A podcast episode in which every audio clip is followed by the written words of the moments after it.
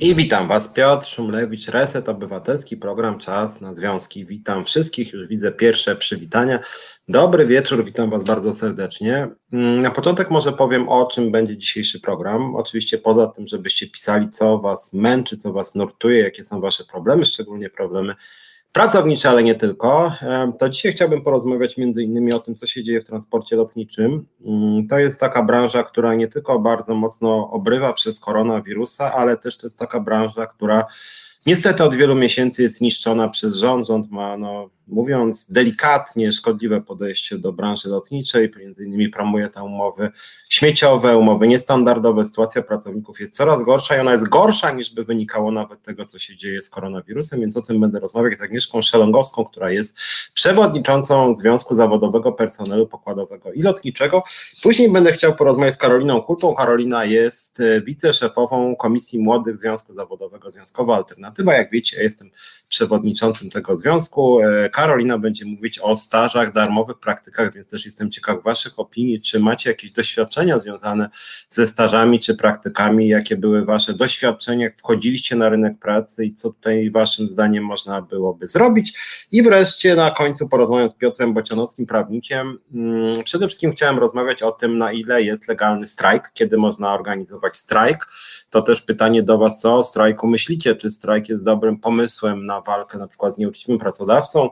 Tutaj przed programem rozmawiałem chwilę z Piotrem Bocianowskim. Właśnie, to jest prawnik, który między innymi pomaga Związkowi Zawodowemu, Związkowa Alternatywa i on mówił, trochę się dziwił, że strajk kobiet nazywa się strajkiem, skoro to nie jest no, taki strajk w znaczeniu właśnie prawa pracy. To jest zresztą bardzo ciekawe i mi się akurat to podoba, że strajk kobiet skorzystał z tego pojęcia, które jest no, jakoś tam przypisane właśnie sprawom pracowniczym. Tutaj sprawy kobiet i sprawy pracowników się przecinają.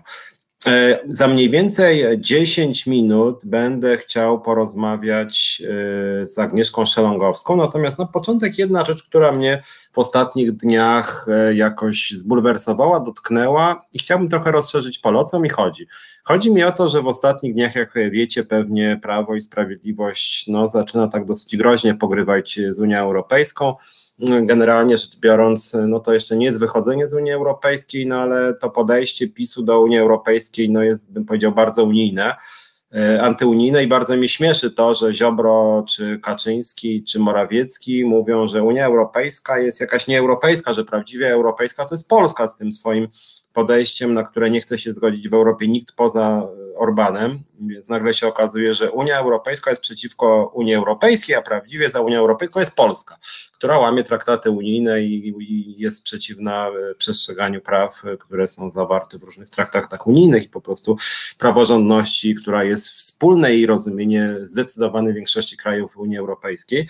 Natomiast o tym wszystkim w pewnym sensie wiemy, myślę, że większość z Was się tutaj zgadza, że to, co wyprawia PiS nie jest dobre, nie jest dobre tak dla Unii, jak i dla Polski, dlatego że to, co oni na przykład zrobili z Trybunałem e, Konstytucyjnym, e, jest e, rzeczywiście, no, mówiąc delikatnie, bezprawne, to znaczy złamano polską konstytucję, pewne standardy unijne też, to co się dzisiaj robi Sądem Najwyższym, to coś, co, co ostatnio wyczyniała policja, na przykład na pracy powstańców Warszawy, no to nie są rzeczy, które byłyby zgodne z unijnym wyobrażeniem praworządności, E, i to powtarzanie przez Ziobrę czy Kaczyńskiego, prawda, że, że tutaj chce się odebrać suwerenność Polsce, czy wręcz niepodległość, no to by wskazywało, że podstawą suwerenności Polski jest po prostu bezprawie partii rządzącej, no co jako obywatel muszę powiedzieć, nie mogę się zgodzić i dlatego w pełni popieram tutaj mm, głosy krytyczne z Unii Europejskiej, bo polityków Belgii, czy Holandii, czy Szwecji.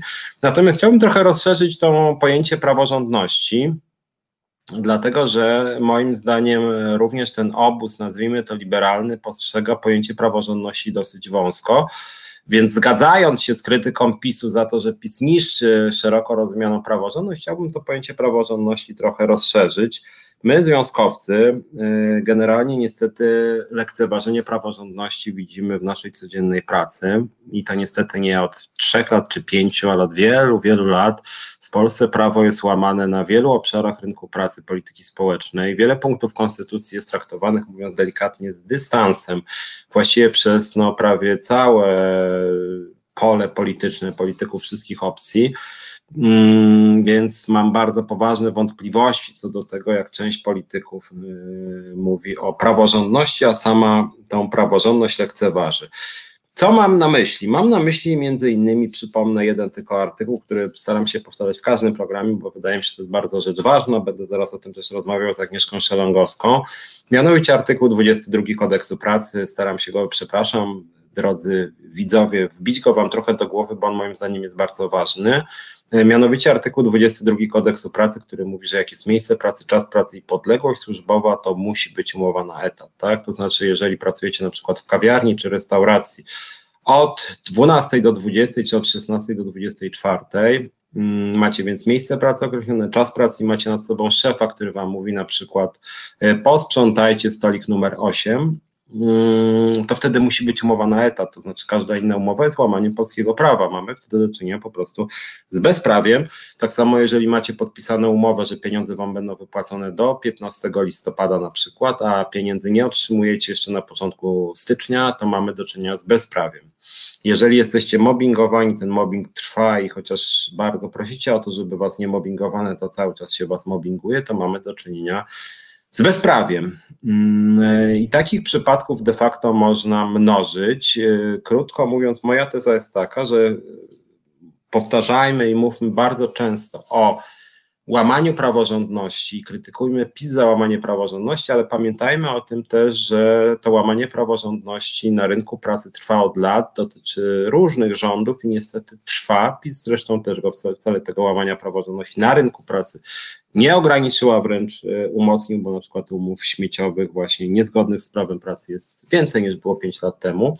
E, natomiast warto o tym pamiętać, że praworządność to nie jest tylko zawłaszczenie Trybunału Konstytucyjnego, to e, nie tylko jest, chociaż też oczywiście zastraszanie dziennikarzy przez władzę, to nie jest tylko niszczenie Sądu Najwyższego, to jest też łamanie praw pracowniczych, w Konstytucji są zapisy również mówiące na przykład, że wszyscy mają równy dostęp do służby zdrowia, że władza prowadzi polityki pełnego zatrudnienia. Też są takie zapisy. E, jeden głos tu widzę, tylko się odniosę do tego, co piszecie. Dlaczego jednym z postulatów OSK, pyta BPH, jest utrzymywanie młodych ludzi z kasy państwowej?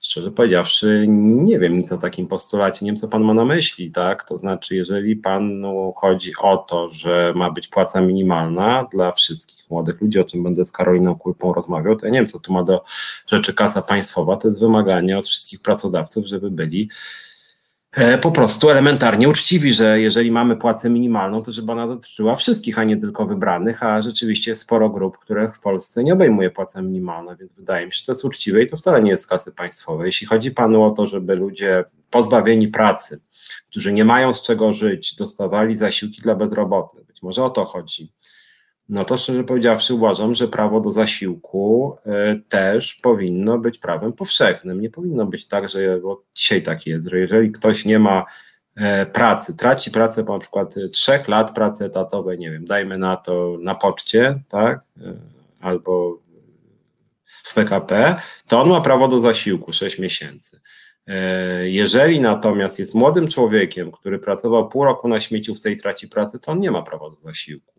Czyli mamy bezrobotnych lepszego i gorszego sortu. Myślę, że to pan ma na myśli, bo tak niekiedy był e, interpretowany ten e, pomysł, który przedstawiła Nadia Oleszczuk i przyznam, że też należy do tej rady, więc go popierałem.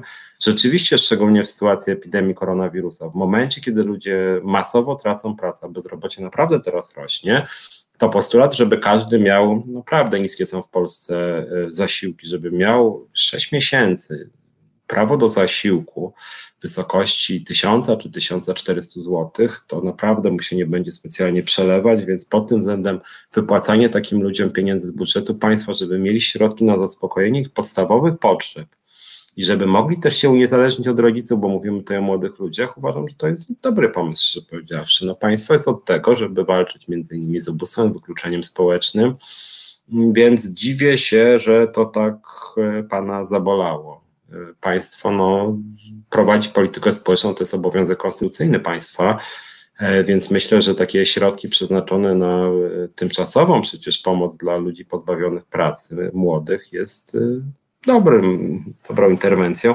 Jeszcze zanim się połączę z Agnieszką Szelongowską, jedna uwaga, takie moje wrażenie mm, z mediów społecznościowych. Byłem trochę szokowany a propos tej praworządności. Hmm, otóż ostatnie, ostatnich dniach, kilka dni temu napisałem krytycznie odnośnie właśnie praworządności, że dowiedziałem się z mediów, mogą Państwo to sobie sprawdzić, że Bronisław Komorowski zachorował na koronawirusa. Był jakiś sygnał, że on się źle czuł, ale później jego rzeczniczka prasowa powiedziała, że on się dobrze czuje e, i że ma stan podgorączkowy tylko, po czym przeczytałem, że mając stan podgorączkowy był wieziony 300 kilometrów, chyba 350 nawet z Sejn do Warszawy, a jego rzeczniczka powiedziała, że jego zawieziono do Warszawy, bo w Warszawie jest wygodniejszy szpital. Ja napisałem, no, że Szczerze powiedziawszy, wydaje mi się to trochę oburzające, że człowiek, który ma stan podgorączkowy, jedzie karetką 350 czy 400 kilometrów ze szpitala do szpitala jeszcze, y, a tymczasem niektórzy umierają, bo karetka nie dąży ich odebrać, albo karetka jeździ od szpitala do szpitala i nie ma wolnych miejsc, a dla byłego prezydenta się takie miejsce znalazło. Część osób mnie skrytykowało, że to przecież wielki prezydent, a do tego jeszcze człowiek, który jest antypisowski, więc przecież mu się należy. No ja tu jestem konsekwentny, nie wiem jak wy, że nie ma, nie powinno być ludzi lepszego i gorszego sortu i pan Bronisław Komorowski, jeżeli jak mówiła rzeczniczka, powtarzam, nie wiem jaka jest prawda, być może naprawdę się bardzo źle czuła, rzeczniczka mówiła co innego, jeżeli naprawdę miał objawy typu 37 i leki kaszeł, to w ogóle nie powinna go wozić karetka i w ogóle nie powinien trafić do szpitala, bo są ludzie, którzy mają 39,6 i bardzo ciężki stan po prostu i tacy ludzie często boją się o swoje życie, więc myślę, że tu powinna być równość wobec prawa. Andrzej Stoł pisze w kwestii zasadniczej, trzeba wyjaśnić, że prawdziwe związki zawodowe nie istniały nigdy w ustrojach autorytarnych, działalność związkową chroniące prawa pracownicze to część obrony praw człowieka. Ja się w pełni zgadzam, przy czym zdarzało się też tak, że w ustrojach autorytarnych reżimy miały swoje własne związki zawodowe posłuszne. Dzisiaj w Polsce takim związkiem posłusznym władzy jest Solidarność Piotra Dudy. Na dole część związków Solidarności jest moim zdaniem ok, ale niestety te władze centralne są straszne. OPZZ też ostatnio stał się w dużej mierze posłuszny władzy, więc generalnie to nie jest tak nawet, że władza autorytarna zawsze zwalcza związki zawodowe, natomiast je wasalizuje, nawet Franco miał swoje związki zawodowe w pełni posłuszne, więc no są, czy, czy inne jakieś autorytarne e, reżimy, więc tu pod tym względem rzeczywiście ważne jest istnienie niezależnych związków zawodowych, związków zawodowych, które patrzą władzy na e, ręce. E, tu pojawiły się jeszcze pytania, jakie miały być koszty tego rozwiązania, o którym mówiłem odnośnie zasiłków. E, znaczy, można było to wyliczyć dosyć szybko, natomiast to nie są gigantyczne koszty. Jeżeli zasiłek e, obecnie 800 z groszami na osobę, osób, osób bez pracy, którzy pracują i tracą później pracę młodych ludzi, myślę, że do następnego programu mogę panu przedstawić szczegółowe dane, ale myśmy jako związkowa alternatywa myśleli o tym, żeby powinno być po prostu powszechne świadczenie w wysokości 1500 zł uzupełniające dochody wszystkim osobom, które mają mniej, tak? Czyli jeżeli zarabiam 1000 zł, państwo dopłaca mi 500, jeżeli tracę jakikolwiek dochód, to dostaję 1500 y, E, I e, generalnie rzecz biorąc, koszty tego typu rozwiązania byłyby radykalnie niższe niż e, obecne tarcze antykryzysowe. Przypominam, to są kwoty idące w 160 już miliardów złotych.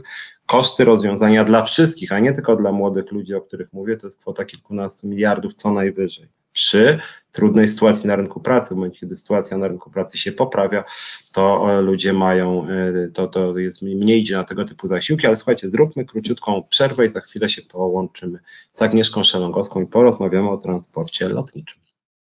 Reset Obywatelski. Medium, które wsłuchuje się w głos swoich odbiorców. I witam. Piotr Szymlewicz, witam bardzo, bardzo serdecznie. Czy jest już z nami Agnieszka? Nie ma jeszcze. Jak nie ma jeszcze z nami Agnieszki Szelongowskiej, no to będziemy w takim razie kontynuować temat y, zasiłków i tego, ile polskie państwo powinno wydawać na y, naszych obywateli. Tutaj wybuchł jakiś spór, czy to nie są jakieś stracone pieniądze, jak się wyda na młodych ludzi pozbawionych pracy. Y, szczerze powiedziawszy, dziwię się, że tak bardzo jesteście przeciwni temu, żeby właśnie wspierać młodych ludzi. Do tego może zaraz wrócimy, ale widzę, że Agnieszka już z nami jest. Witaj Agnieszko, cześć.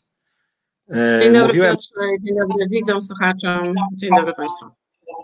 Mówiłem właśnie o tym, że rzuci, taki pomysł się pojawił w strajku kobiet, e, o tym, żeby zasiłek dla bezrobotnych objął również młodych ludzi, którzy mają bardzo niski staż i zgodnie z obecną ustawą im się nie należy nic, jak nie mają pracy. No i tu pojawiły się jakieś sprzeciwy wśród naszych e, widzów, że to jednak jest za dużo wydawać pieniędzy, więc stwierdziłem, że dzisiaj pomóc tym młodym ludziom, którzy też tracą pracę, no to uważam, że to jest tak jakieś minimum, tym bardziej, że rząd już wydał ponad 150 miliardów na różnego rodzaju tarcze i część ludzi tych pieniędzy nie dostała. Natomiast chciałem się w ogóle jeszcze raz z Tobą przywitać. Agnieszka Szylangowska jest przewodniczącą Związku Zawodowego Personelu Pokładowego i Lotniczego.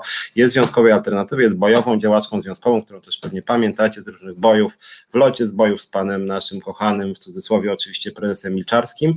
No ale generalnie mamy teraz taką sytuację, że no w tym locie, w transporcie lotniczym wesoło nie jest. Wesoło nie jest tak z winy pana koronawirusa, ale też być może trochę z winy naszego kochanego w cudzysłowie zarządu. Na początek może takie ogólne pytanie. Jaka jest ta sytuacja w transporcie lotniczym? Jak dzisiaj wygląda życie stewardesy w locie? Jak wam się, że tak powiem, pracuje? To może jeszcze Y, zanim e, tego, e, o to też pytasz, odniosę się do, tego, do tej poprzedniej kwestii. Zanim podłączyłam się tutaj do audycji, słyszałam taką wypowiedź w którymś z serwisów informacyjnych, że rząd Francji wszystkim osobom, które z powodu koronawirusa nie mogą wykonywać pracy, płaci około 80% swoich normalnych zarobków. No proszę Państwa, no w Polsce mamy w tym momencie przepaść tak, pomiędzy jednym krajem a drugim. No przecież tutaj osoby dostały niektóre jakieś, jakąś pomoc starczy, natomiast y, właściwie całe społeczeństwo co chwila wychodzi na ulicę po to, żeby dopominać się o jakiekolwiek wsparcie. Ludzie naprawdę mają strasznie ciężko. Oczywiście nasza branża no, jest jedną z najbardziej dotkniętych i wiadomo, że e, ze względu na koronawirusa loty są bardzo ograniczone. Firma LOT, w której pracuję, wykonuje tej chwili, nie wiem, może 20-30% operacji wykonywała przed pandemią. Więc y, no wiadomo, że, że możliwości zarobku są bardzo małe. Zostaliśmy przeniesieni pracownicy etatowi, czy znaczy personel pokładowy na y, połowę wymiaru etatu, co wiąże się z tym, że y, zarobki nasze w tej chwili są po prostu bardzo małe. No, powiedzmy sobie szczerze, nikt nie jest w stanie za te pieniądze się w Warszawie utrzymać, więc wszyscy poszukujemy jakichś dodatkowych zajęć, co nie jest też łatwe, chociażby z tego powodu, że pracodawca y, odmówił nam e, planowania nas.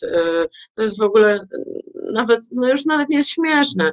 E, wielokrotnie występowaliśmy jako Związek Zawodowy i pracownicy do, do pracodawcy, żeby planowano nam dwa tygodnie wolnego i dwa tygodnie czasu przeznaczonego na wykonywanie obowiązków służbowych. I mimo tego, że lot naprawdę bardzo mało lotu wykonuje, odpowiada nam się, że ze względów operacyjnych nie jest to możliwe. Więc y, no, ja wiem, że zgodnie z przepisami pracodawca nie jest zobowiązany do takiego planowania, ale trzeba być też człowiekiem w pewnym momencie i wiedzieć, że za 2000 brutto y, ludzie po prostu nie utrzymają się, mają swoje zobowiązania. Y, I jak gdyby w taki domyślny sposób daje nam do zrozumienia, że nie chce, żebyśmy dłużej pracowali chyba, no bo to jest ewidentne zniechęcanie do, y, do utrzymywania zatrudnienia, po to, żeby potem e, firma mogła powiedzieć, że no myśmy nikogo wprawdzie nie zwolnili, no oni sami odeszli, prawda? I w ten oto prosty sposób mamy mniejsze koszty pracownicze. Ale to jak to jest? Czyli wy teraz zarabiacie kwoty oscylujące wokół płacy minimalnej i trudno wam, rozumiem, nawet stabilnie dorabiać od do, nie wiem, w Żabce, Biedronce, już nie chcę wymieniać nazw firm gdziekolwiek, tak? To jak, to jak to jest? Czy pracodawca nie widzi tego, że jeżeli pracownica zarabia, nie wiem, 2000 na rękę czy 1800, no to generalnie będzie raczej szukać nowej pracy? To jest jakoś wliczone Twoim zdaniem w kalkulację pana prezesa? I na, to, I na to pracodawca myślę, że liczy właśnie, dlatego że mam wrażenie, że chciałby się pozbyć tych pracowników etatowych, którzy e, no, są e, trochę męczący, można powiedzieć, z punktu widzenia pracodawcy, dlatego że ma, zna, mają prawa, znają swoje prawa, y, y, domagają się ich respektowania, są reprezentowani przez związek zawodowy i to jest po prostu mi się wydaje, że z punktu widzenia pracodawcy taka niekomfortowa sytuacja trochę, y, a nasz pracodawca jest wyjątkowo, y, powiedziałabym, trudny do jakichkolwiek kompromisów i, y, i propracowniczych rozwiązań. No chociażby ta sytuacja właśnie, o której wspomniałam, to planowanie pół na pół. Siedzimy praktycznie cały miesiąc w domu. Ja na przykład w tym miesiącu wykonałam dwa loty, w następnym miesiącu mam zaplanowany jeden, ale tak szczerze mówiąc, to ludzie po prostu z miesiąca na miesiąc zagadują się, czy w ogóle będą mieli loty, kiedy, ale jeśli mają dodatkową pracę i ona wymaga obecności w stałych dniach, no nie mogą poprosić o zaplanowanie na przykład w miesiącu styczniu od 1 do 14 wolne, tylko dowiadują się na przykład y, w połowie grudnia, że będą pracować 5 i 7, tak? Y, I nie możemy się ani zamienić, ani poprosić o zmianę tego lotu. Jesteśmy takimi trochę niewolnikami współczesnymi y, tych układów w firmie, które właśnie no, nie szanują ani nas, ani naszego życia, ani naszych bliskich, nie starają się nam w żaden sposób, mimo tego, że to by było najprostsze, po prostu zapytać ludzi, w której połowie miesiąca chcesz pracować. I y, dużo osób by sobie znalazło i znajdują sobie ludzie dodatkowe zajęcia, bądź w ogóle zwalniają się z pracy, ale oczekiwałam elementarnej pomocy w tej trudnej sytuacji. A jakie są perspektywy? To znaczy, rozumiem, że macie teraz te grosze, czyli tam niekiedy nawet y, niepełną płacę minimalną, bo pół etatu. Czy pracodawca wam mówi na przykład, no, czy to w postaci spisanej, czy w postaci nieformalnej, słuchajcie, to y, przypuszczalnie koronawirus się skończy, nie wiem, będzie szczepionka za pół roku, wrócą loty, to wtedy wam pensje skoczą razy dwa i pół, czy czy to są takie, to co jest dzisiaj, no to generalnie może być i 5 lat. Jak, jak, jak pracodawca to widzi? Jak wy to widzicie? Czy są jakieś perspektywy, że jednak skoczą te pensje z 2 na 4,5, czy tak nie za bardzo? Znaczy, y, żeby mogły skoczyć, to musielibyśmy mieć przywracane, y, przywracany wymiar etatu, zwiększany wymiar etatu, bo w tej chwili mamy to pół etatu i ono jest bezterminowe.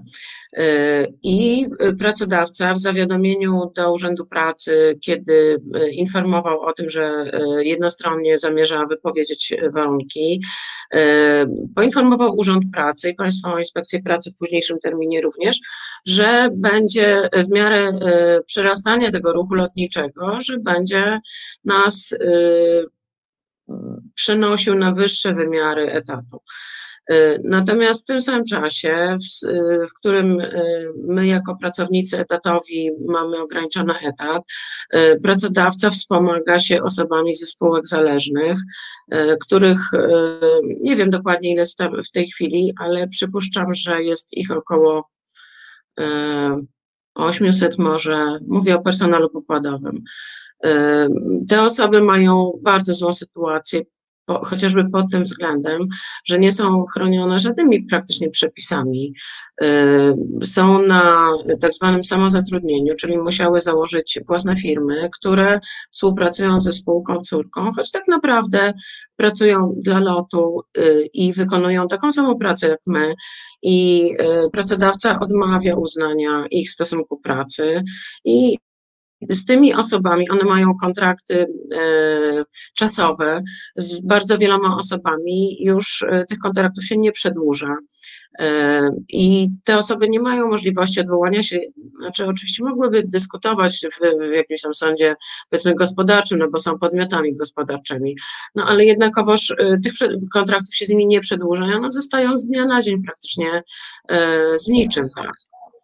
Więc Mm. e, ta sytuacja jest bardzo, bardzo złożona pod wieloma względami. E, Nie chcę tutaj Państwa e, zanudzać, no ale pracodawca po prostu korzysta z tych samozatrudnionych i, i, i, odmawia uznania ich praw pracowniczych, mimo tego, że wykonują taką samą pracę jak my.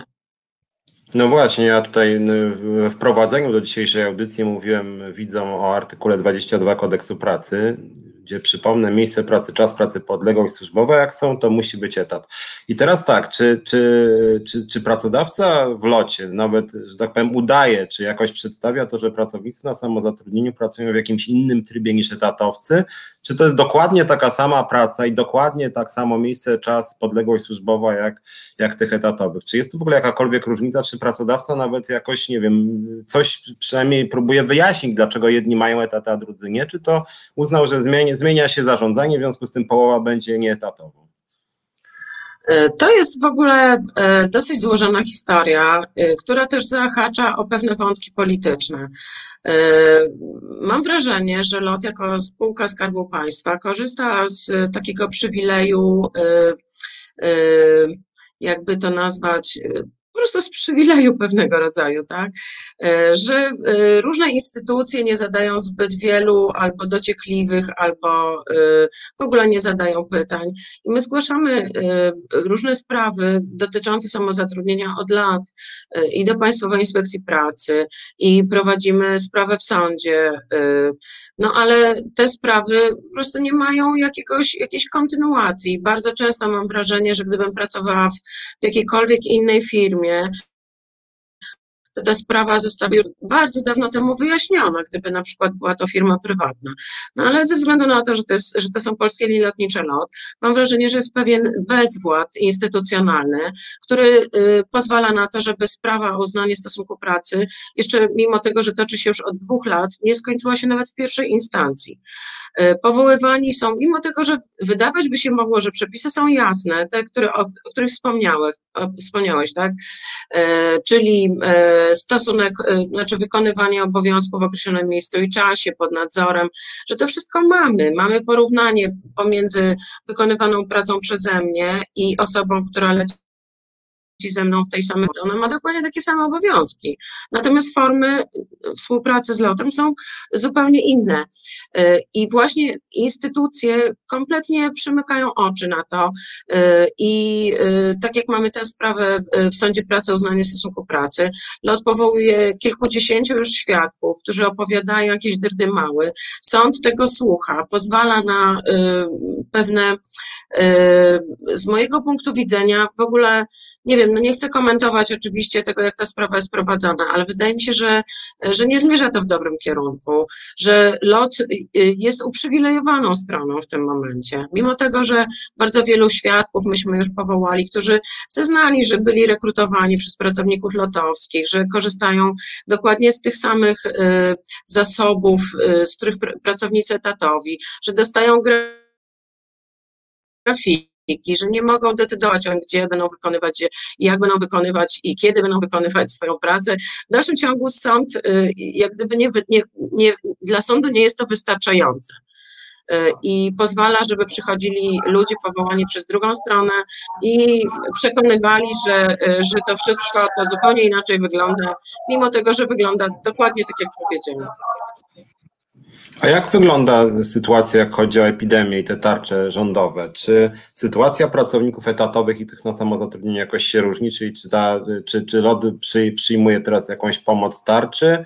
Czy te firmy jednoosobowe, ci pracownicy na samozatrudnieniu jakąś pomoc dostają? Jak to jest? Czy, czy, czy krótko mówiąc, łatwiej jest w czasie epidemii być etatowcem, czy łatwiej być samozatrudnieniowcem, jak chodzi, mówię o pomoc z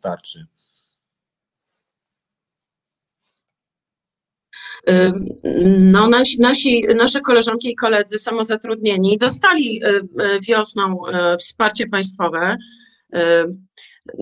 no na pewno te, te, to wsparcie było indywidualne dla, dla każdej firmy. Pewnie nie każdy mógł skorzystać ze wszystkich możliwości, ale wiem, że tak, że, że dostali wsparcie. No my oczywiście e, jako pracownicy no indywidualnie nic nie możemy o nic prosić. E, wsparcie dostają firmy tak, na utrzymanie miejsc pracy.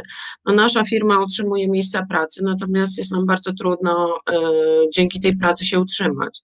I mm, nie wiem, e, nie, nie chcę tego oceniać, bo nie chcę też występować przeciwko koleżankom moim z pokładu. Nie chcę, żeby myślały, że im czegoś zazdroszczę albo że uważam, że powinny y, być pozbawione pracy, bo tak nie jest. Nie chcę, żebyśmy byli różnicowani, a jesteśmy, mimo tego, że pracujemy w tym samym miejscu i wykonujemy tę samą pracę.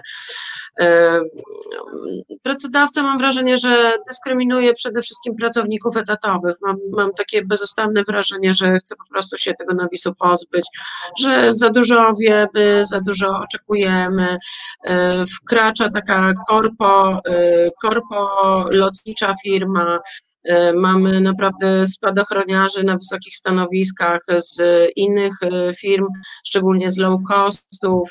E, wprowadzane są nowe porządki, jak chociażby system donosicielstwa, e, jakiś system oceny, który powinien zostać e, przez pracodawcę wprowadzony i nie, nie powinien być anonimowy. No wyobraźcie sobie Państwo na przykład przychodzicie do pracy, spotykacie się ze swoimi współpracownikami w pokoju, no a po wykonaniu swojej pracy przychodzi taka ankieta, no kogo chcesz dzisiaj ocenić? To to jest anonimowe, więc się przejmować. E, do tego wgląd będzie miał twój tylko przełożony, a jak poprosi ktoś inny, e, no to też ewentualnie może poprosić, ale ten, kogo będziesz oceniać, nigdy się o tym nie dowie, e, kto go oceniał. No, no, dla mnie to jest po prostu jakieś zinstytucjonalizowane donosicielstwo. Po prostu nie powinno tak być. Jeśli pracodawca chce ocenić swojego pracownika, niech go ocenia na podstawie wyników jego pracy, jego punktualności, jego zaangażowania, no ale nie powinno być tak, że osoby, z którymi ja współpracuję, będą e, anonimowo e, oceniać moją pracę i postawę i mówić o tym pracodawcy, co one myślą na mój temat. Mhm. Bożena Breczko pisze o tym, czy PIP nie może zająć się tymi samozatrudnionymi w locie i później jeszcze, czy można pozwać PIP do sądu za niedopełnienie obowiązków. No problem jest taki też, że przede wszystkim e, PIP ma kompetencje głównie co do umów etatowych i problemów etatów, natomiast problem też jest taki, że żeby ci samozatrudnieni czy na zleceniach wygrali sprawę w sądzie, to muszą najpierw do tego sądu iść. Często trudno ich przekonać, bo jakby poszli, to by stracili pracę i tutaj są też, no ale oczywiście jest też sprawa taka, że po prostu polskie państwo na to przyzwala, bo rząd na to przyzwala. Pan prezes Milczarski jest bezpośrednio osobą zaczepioną, że tak powiem, dosyć wysoko, podobnie jak był pan prezes Szpikowski. Natomiast wracając jeszcze do tej sytuacji pracowników, ostatnio wyczytałem, nie wiem jak to się przebiło u was w firmie, że pan Sasin obiecał kilka miliardów, kilka miliardów pomocy dla lotu. I tak sobie pomyślałem, jak kilka miliardów, no to po prostu żyć, nie umierać. No to nawet jak dostanie tam, nie wiem, jeden i drugi dopłata do lotu, no to stewardesy co najmniej będzie siedem na rękę każda z was zarabiała tam i każdy, więc jak to zostało odebrane? Czy coś słyszałaś może o tym, że z tego kilku miliardów, powiedzmy pięciu, na przykład 500 milionów pójdzie na pensję dla pracowników? E, bardzo bym, bardzo bym chciała w to wierzyć, ale, ale to chyba takie raczej pobożne moje mogłyby być życzenia. Moim życzeniem by było to, żebyśmy chociaż e, zostali przywróceni na pełny etap, na pełny etat z pełnym, e, z pełnym uposażeniem, żebyśmy mogli wykonywać swoją pracę i chociażby tyle, tak. No nie wiem, nie wiem co o tym sądzić. Oczywiście wiem, że dla firmy bardzo ważne jest wsparcie tego, że, y, żeby mogła dalej funkcjonować i bardzo bym się cieszyła, gdyby takie wsparcie było udzielone. Jednocześnie cieszyłabym się również, gdyby za tym wsparciem poszło, y, poszły pewne wymagania, jeśli chodzi o stosunki społeczne. Właśnie cieszyłabym się, gdyby to wsparcie y, poszło wraz z sygnałem, ok, lot, dajemy wam pieniądze, ale macie w firmie przywrócić normalność polegającą na tym, że ludzie muszą mieć stabilną pracę. Nie kontrakty, nie B2B, tylko po prostu mają być pracownikami, bo tak mówi prawo. I macie tego prawa przestrzegać i między innymi dostajecie pieniądze, tak? To ja bym bardzo cieszyła, gdyby coś takiego było. Nie wiem, może, może Mikołaj na gwiazdkę nam coś takiego przyniesie. A jak, a jak wygląda, jak chodzi jeszcze o te stosunki pracownicze, dialog z zarządem? Czy no niezależnie od tego, że te warunki pracy obecnie są złe, to czy przynajmniej ten dialog ze swoim związkiem zawodowym jakoś wygląda? Czy pracodawca komunikuje się z wami? Czy jakby mniej więcej wiecie, jakie on ma plany, że przynajmniej tutaj to jakoś dobrze funkcjonuje? Jak ten dialog teraz wygląda? E, no to zawsze był bardzo trudny temat, e, bo ten dialog jest bardzo szczątkowy. E, właściwie nie spotykamy się za często Organizowane są dla pracowników takie spotkania online'owe, z tym, że zadawać można pytania tylko pisemnie i nie wiem, mam wrażenie, że pracownicy za dużo się z tego nie dowiadują. My również jako działacze związkowi też nie jesteśmy informowani o planach, więc e, właściwie no tak funkcjonujemy z dnia na dzień. Nie wiemy za bardzo, kiedy będą wznawiane operacje, jakie zatrudnienie firma planuje mieć. Do mnie też e, odzywają się różne osoby, hej, ja słyszałaś, czy słyszała Pani o tym, że są planowane zwolnienia? Nie, ja nie słyszałam i mam nadzieję, że ich nie będzie, ale zarząd w ogóle nie, e, nie informuje pracowników, że dnia tego i tego będziemy potrzebować tylu i tylu pracowników e, za rok, za pół roku, za miesiąc i tak dalej, że planujemy jakieś, jakieś ruchy. Czytam w, w prasie, że będą e, wznawiane pewne kierunki latem, że wiosną i z tego mogę ewentualnie z, wnioskować, że, że jakaś tam praca dla nas będzie. E, a w tym samym czasie słyszę na przykład, że siostrzana nasza spółka, zrzeszona również w Polskiej Grupie Lotniczej e, LOT AMS, zwalnia mechaników z wieloletnim doświadczeniem, e, więc nie wiem tak naprawdę, co mam o tym wszystkim myśleć. Nie wiem, co mam mówić zrzeszonym w naszym związku pracownikom. Po prostu jest bardzo dużo niedomówień, a, a, a mój dyrektor na przykład planuje tak, taką akcję, właśnie jak już wspomniałam, tych donosów, E, rozwija sprzedaż na pokładzie. No to są w ogóle takie działania dla mnie trochę orwellowskie to wszystko jest i nie widzę w tym w ogóle e, jakiegoś nie wiem, sensu, no po prostu trochę to jest wszystko zabawne, gdybyśmy byli w takiej normalnej normalności, okej, okay, no to teraz rozwijamy kompetencje sprzedażowe, no bo pani jest low costa, więc e, wiadomo, że sprzedaż jest najważniejsza. Mhm. To jeszcze może na koniec pytanie, no bo dwa miesiące temu już chyba słyszeliśmy o spółce Polish Airlines. E, to miało być taki bardzo angielski w ogóle chyba hop do przodu.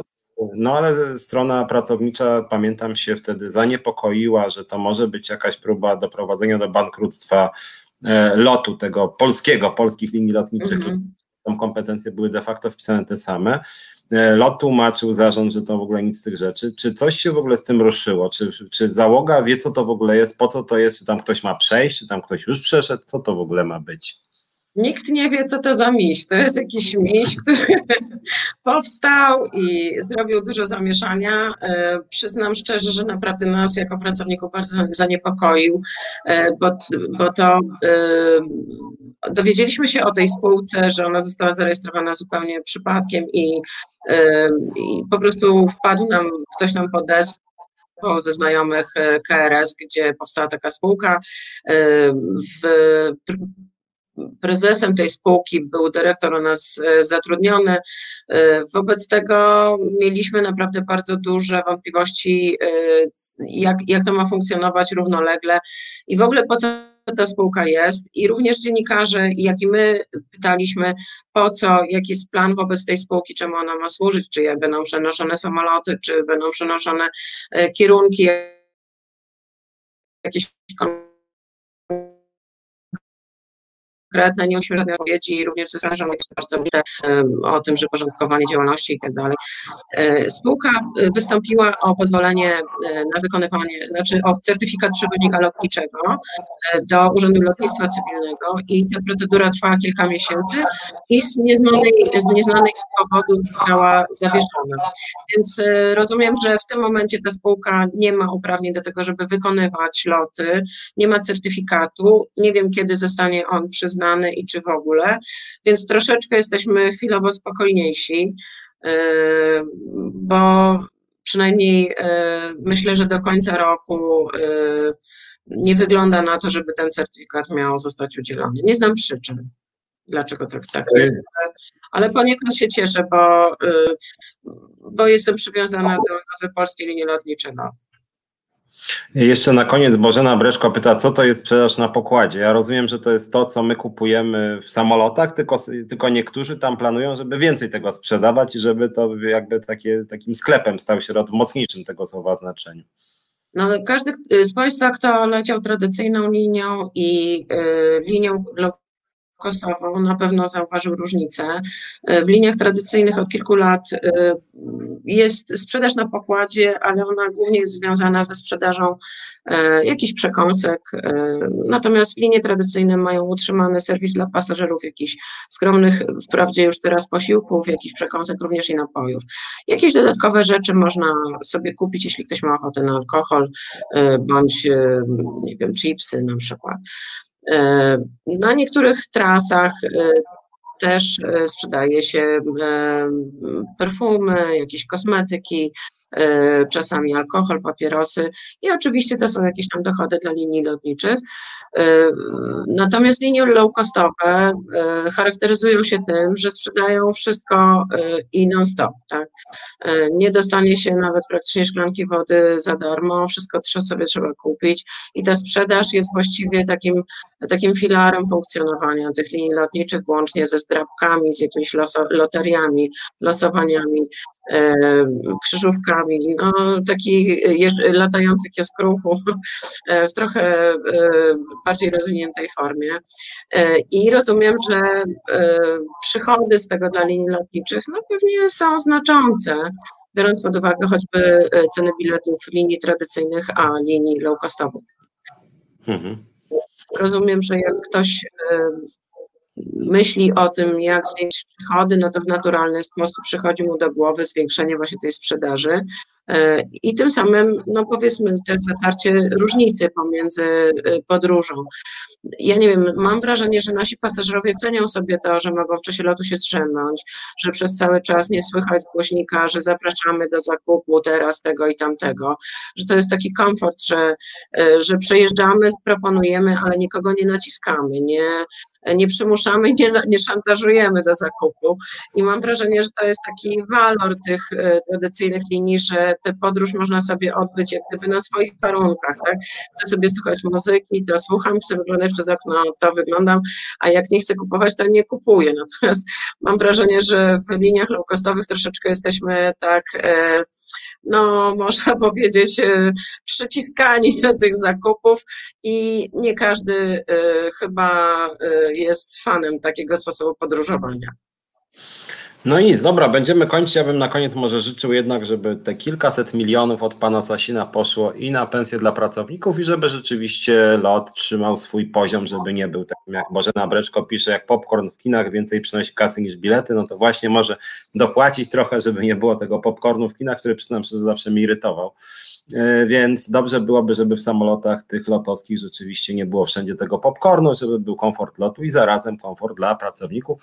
Bardzo Ci, Agnieszko, dziękuję. I życzę. No ja też, że, też, też, też, bym sobie tego, też bym sobie tego życzyła, żeby właśnie wraz e, z państwowymi pieniędzmi szły zatem pewne wysokie standardy, których my, pracownicy, jak i pasażerowie by oczekiwali. Bardzo Państwu dziękuję. No, a my robimy króciusieńką przerwę i za moment wracamy i odniosę się do tych waszych komentarzy, które pisaliście nie tylko na tematy związane z lotem i dlatego się do nich nie odnosiłem. Za chwilkę się odniosę.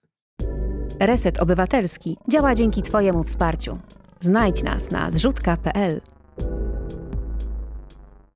I wracamy. Piotr Szymlewicz, Reset Obywatelski, czas na związki. Mm, mówiliśmy trochę o transporcie lotniczym, gdzie tych patologii niestety jest, jak słyszeliście, sporo.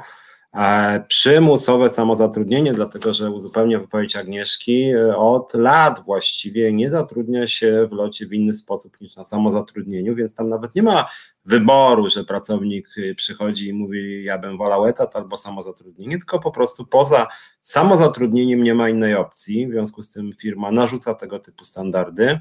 Dzieje się to właściwie od mniej więcej 3-4 lat i tak akurat zarządów PiSu zostało narzucone wcześniej. Nie było najlepiej, ale nie było aż tak źle, jak chodzi o ten rodzaj umów i rzeczywiście pan prezes Rafał Milczarski jest gorącym zwolennikiem umów e, śmieciowych, samozatrudnienia. Także niestety te, te standardy narzucił innym częściom rynku lotniczego, między innymi prezes Ryanaira, bodaj była taka jego wypowiedź, że jeżeli lot zatrudnia w ten sposób, a nie inny, to dlaczego on ma zatrudniać w ramach umów etatowych? Gdyby lot zatrudniał etatowo, to i on by wtedy mógł etatowo zatrudniać. W związku z tym tutaj państwo daje bardzo zły przykład w takim uśmieciowianiu rynku pracy.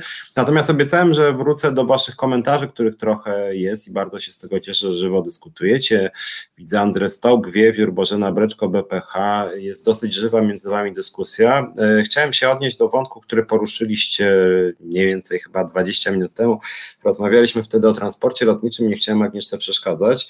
Więc odniosę się do dwóch tematów, które się pojawiły. Trochę skrótowo się odniosę do tego, co pisaliście. Chodziło między innymi o zasiłki i o podatki wrócił temat, który bardzo często pojawia się w różnych e, rozmowach e, i w mediach społecznościowych, i niekiedy w tak zwanej rzeczywistej polityce, tej sejmowej na przykład.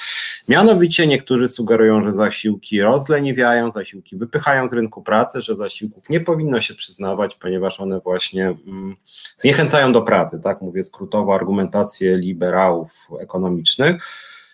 E, ja jestem przeciwnikiem tego rodzaju argumentacji, po pierwsze z powodów empirycznych, to znaczy tam, gdzie zasiłki są wyższe, to co ciekawe jest wyższy e, odsetek osób aktywnych zawodowo, są bardzo wysokie zasiłki na przykład w krajach skandynawskich, e, w Danii do niedawna przynajmniej to było 90% ostatniego wynagrodzenia, czyli nawet nie płaca minimalna, tylko 90% ostatniego wynagrodzenia, więc dostawałem przez kilka miesięcy relatywnie duże czy nawet duże pieniądze i państwo duńskie w tym samym czasie robiło wszystko, żeby takich ludzi utrzymać na rynku pracy, tak? To znaczy państwo oferowało, tak w Szwecji tym bardziej, oferuje różnego rodzaju staże, różnego rodzaju praktyki, tylko w przeciwieństwie do tego, co w Polsce, to są staże i praktyki wysoce płatne, tak? W związku z tym dla państwa duńskiego czy szwedzkiego bardzo e, dużą zaletą, cnotą jest polityka pełnego zatrudnienia to znaczy dążyć do takiej polityki, która nie wypycha ludzi z rynku pracy, tak żeby za wszelką cenę utrzymać ich na rynku pracy.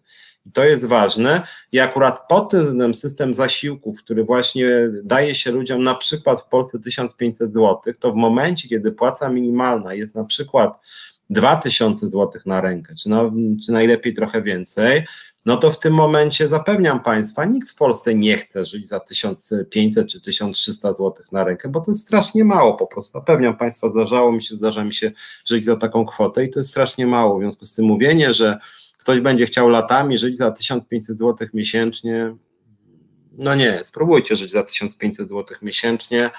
Jeżeli jeszcze część z Was wynajmuje mieszkanie, szczególnie jak y, jesteście młodymi ludźmi, którzy w dużym mieście na przykład na studia przyjechali, czy samotnie żyjecie, to 1500 zł, czy 1000 zł nawet za mieszkanie, a często koszty już dzisiaj po tych różnych podwyżkach, na przykład wywozu śmieci, naprawdę są duże, no to jeżeli płacicie 1000 zł, czy nawet 600 zł miesięcznie za mieszkanie, a przecież duża część wynajmuje mieszkanie, więc koszty zaczynają się w dużych miastach od 1500, no to policzcie sobie, ile to zostaje, tak? Koszty jedzenia miesięcznie ile? Minimum 300 zł, 400 zł, tak?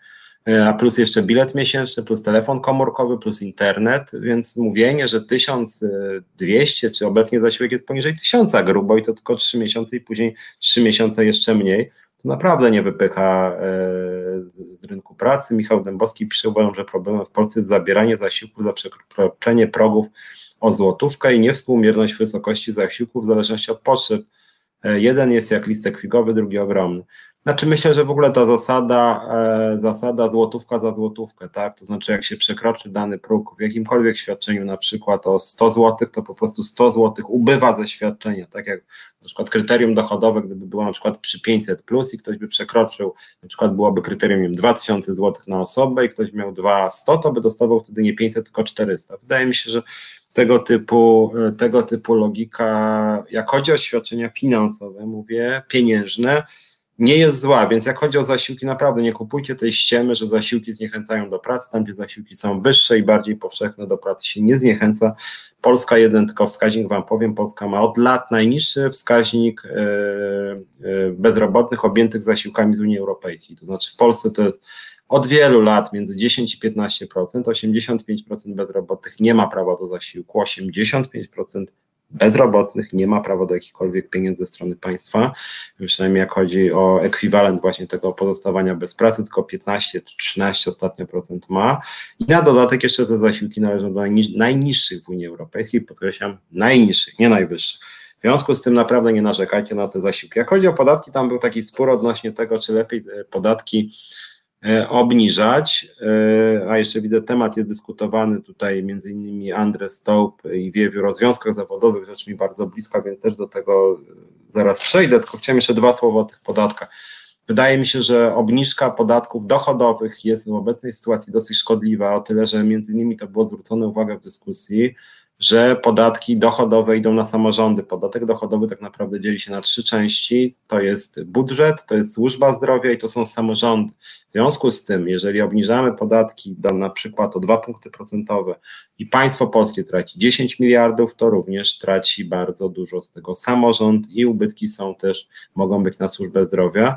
Więc wydaje mi się, że to, że na przykład państwo ci obciąża samorządy coraz większą ilością obowiązków, coraz większą liczbą obowiązków i zarazem tnie środki poprzez na przykład obniżkę podatku, była obniżka e, PIT-u, tej dolnej stawki o 1%, to nie są dobre zjawiska. No jednak państwo musi mieć środki na na różnego rodzaju remonty, na funkcjonowanie urzędów. No szczególnie dzisiaj, w czasie epidemii koronawirusa, no potrzebne są po prostu pieniądze. Ja nie wiem, no chyba wiele z Was widzi to, co się dzieje, że ludzie potrzebują pomocy, że na przykład nie ma pomocy psychiatrycznej i psychologicznej dla obywateli, że nie ma poradnictwa, że urzędy funkcjonują nie tak jak trzeba. Ja osobiście bombardowałem na przykład, żeby pomóc rodzicom w sprawach urzędowych, to trzeba się było wykłócać. Dlaczego trzeba było się wykłócać? Z jednej strony oczywiście zła organizacja, ale z drugiej strony nie oszukujmy się, chodzi również o niedofinansowanie, no, że tych pracowników jest mało bardzo często, yy, że oni są kiepsko wyposażeni. No, taka jest prawda po prostu. Więc jakby dalsze cięcia, ograniczanie podatków, a co za tym idzie wydatków publicznych, to jest po prostu bardziej śmieciowe państwo. I jeszcze kwestia, widzę, że tu jest jakaś dyskusja odnośnie związków zawodowych. To jest oczywiście dla mnie temat rzeka i ja zrobię Myślę, że zrobię e, na ten temat oddzielny program, być może kilka programów. Widzę, że jest jakaś dyskusja e, odnośnie tego, jak to było w PRL-u, jakim związkiem zawodowym była Solidarność i w ogóle jak w Polsce związki zawodowe funkcjonują.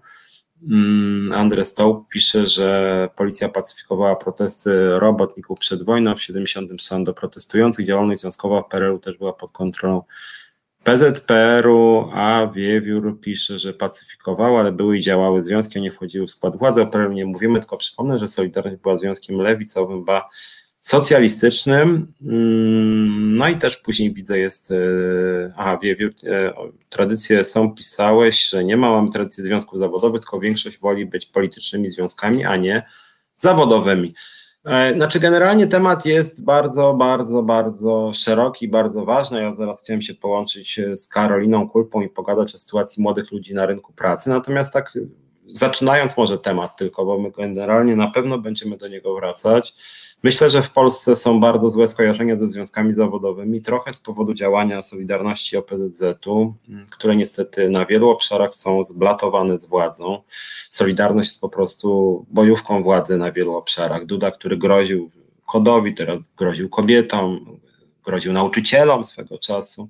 Więc ja myślę, że to jest bardzo zły przykład Solidarności, która jest z jednej strony związkiem bardzo silnym i wpływowym, jest czego zazdrościć, wpływają na rząd bezpośrednio, a z drugiej strony jest związkiem obrzydliwym, to znaczy no, z przekazem ksenofobicznym, e, antykobiecym, jakimś homofobicznym, no to jest kompromitujące z perspektywy no, po prostu definicji związku jako instytucji e, antydyskryminacyjnej. No, częścią kodeksu pracy jest zakaz dyskryminacji, więc to na pewno wstyd. Z drugiej strony mamy takie związki bardzo zmurszałe i leniwe, jak e, Forum Związków Zawodowych czy OPZZ, które niewiele robią. No i z trzeciej strony jesteśmy my, Związkowa Alternatywa, my staramy się działać bardzo dynamicznie, natomiast powstaliśmy niedawno, nas nie lubi ani Solidarność, ani OPZZ i staramy się też zwalczać te stereotypy dotyczące właśnie organizacji związkowych, bo stereotyp jest trochę taki, że to są starsi panowie z wąsem, którzy piją wódkę i dogadują się zakulisowo z zarządami, z władzą. Troszkę to tak wyglądało w PRL-u niekiedy, jak chodzi o te związki posłuszne władzy i niestety trochę to tak wygląda też dzisiaj, więc my chcemy ten stereotyp zwalczyć aktywnie i właśnie jako związkowa alternatywa mm, odbudować zaufanie do związków. Raz jeszcze skądinąd jak prowadzę program misyjnie zachęcam do wstępowania do nas, do Związkowej Alternatywy. Chcecie o nas poczytać www.za.org.pl, no plus ja też jestem jakąś tam żywą wizytówką, jedną z wielu Związkowej Alternatywy, jestem przewodniczącym, więc zachęcam, żeby się do nas wstępowali. Myślę, że razem możemy trochę ten kraj y, zmienić. Natomiast jest rzeczywiście bardzo trudno, też odnośnie Solidarności, tam bodaj Wiewiór właśnie pisał o tej przeszłości w jakiejś mierze socjalistycznej Solidarności. Ja nie wiem, mam szczerze powiedziawszy dwuznaczny. To jest, y, to jest temat rzeka, czy Solidarność kiedykolwiek była związkiem socjalistycznym, bo wydaje mi się, że co prawda to hasło socjalizm tak wypaczenia nie, moim zdaniem było bardzo mocno obecne y, w dołach Solidarności, natomiast z drugiej strony już na początku lat 80., czy po prostu od samego początku Solidarność była związkiem, która no jednak miała program dosyć chadecki, tak? To znaczy dość konserwatywne rozwiązania w polityce społecznej, wypychanie kobiet do domu, e, tradycyjny model rodziny, no to od początku jednak było. E, ja czyty, czytałem te postulaty Solidarności, chętnie jeszcze do nich wrócę, natomiast tam bodaj od postulatu chyba 18 do 21 są szczególnie takie kontrowersyjne, nawet przypomnę to, że nawet wiek emerytalny kobiet 55 lat, mężczyzn 60 czy rzeczywiście aż tak niski wiek emerytalny i ta bardzo szybka dezaktywizacja zawodowa.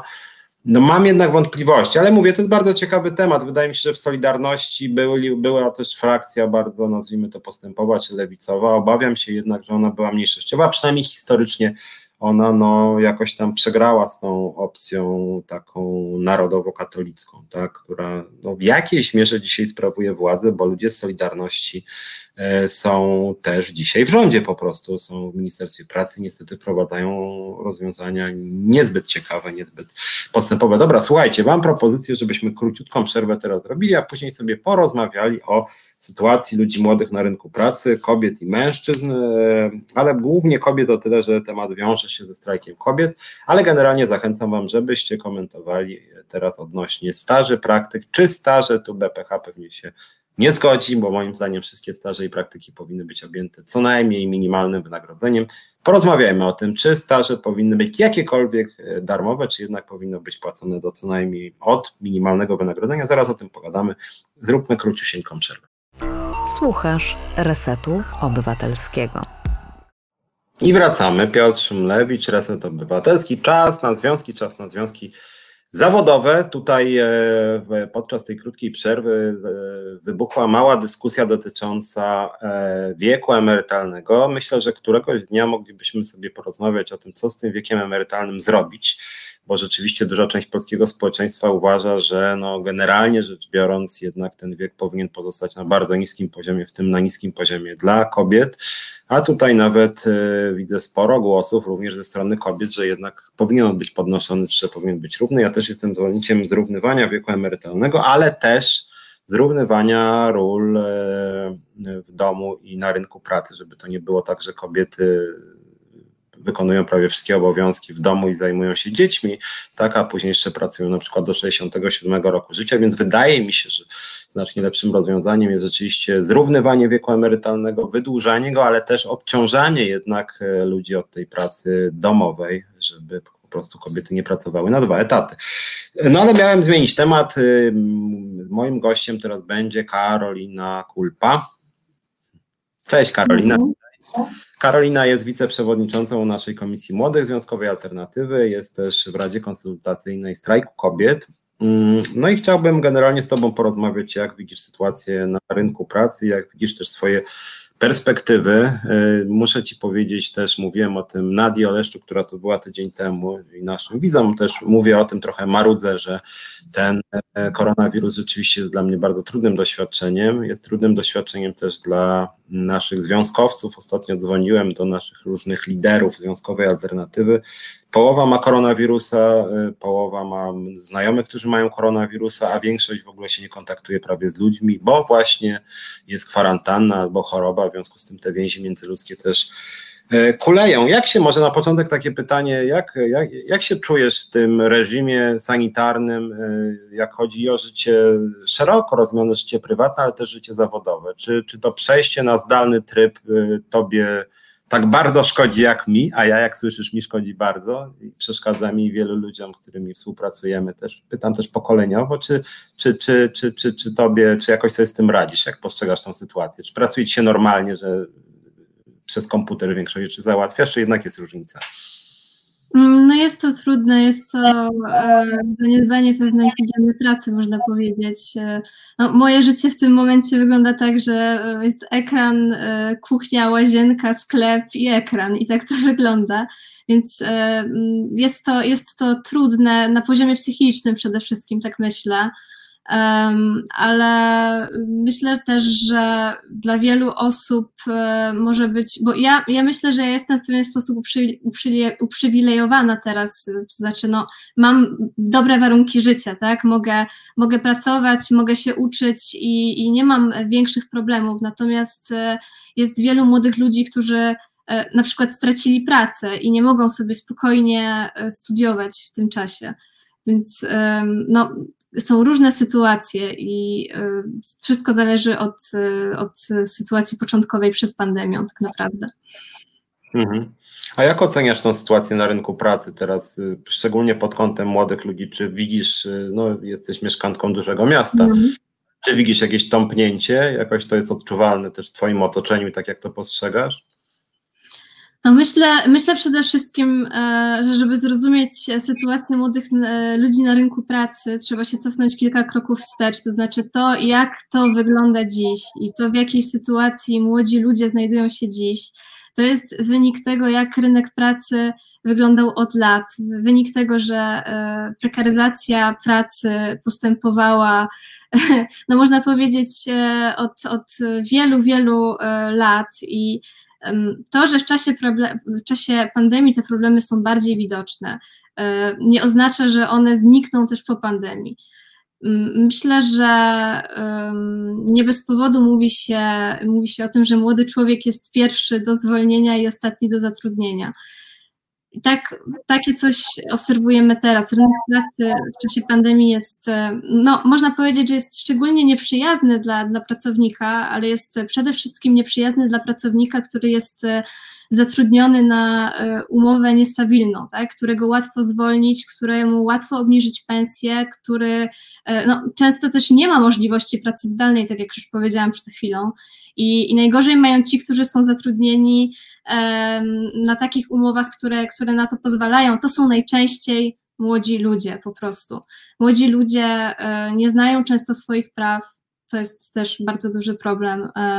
E, często sami wybierają niestabilne umowy, bo wydają im się one bardziej korzystne.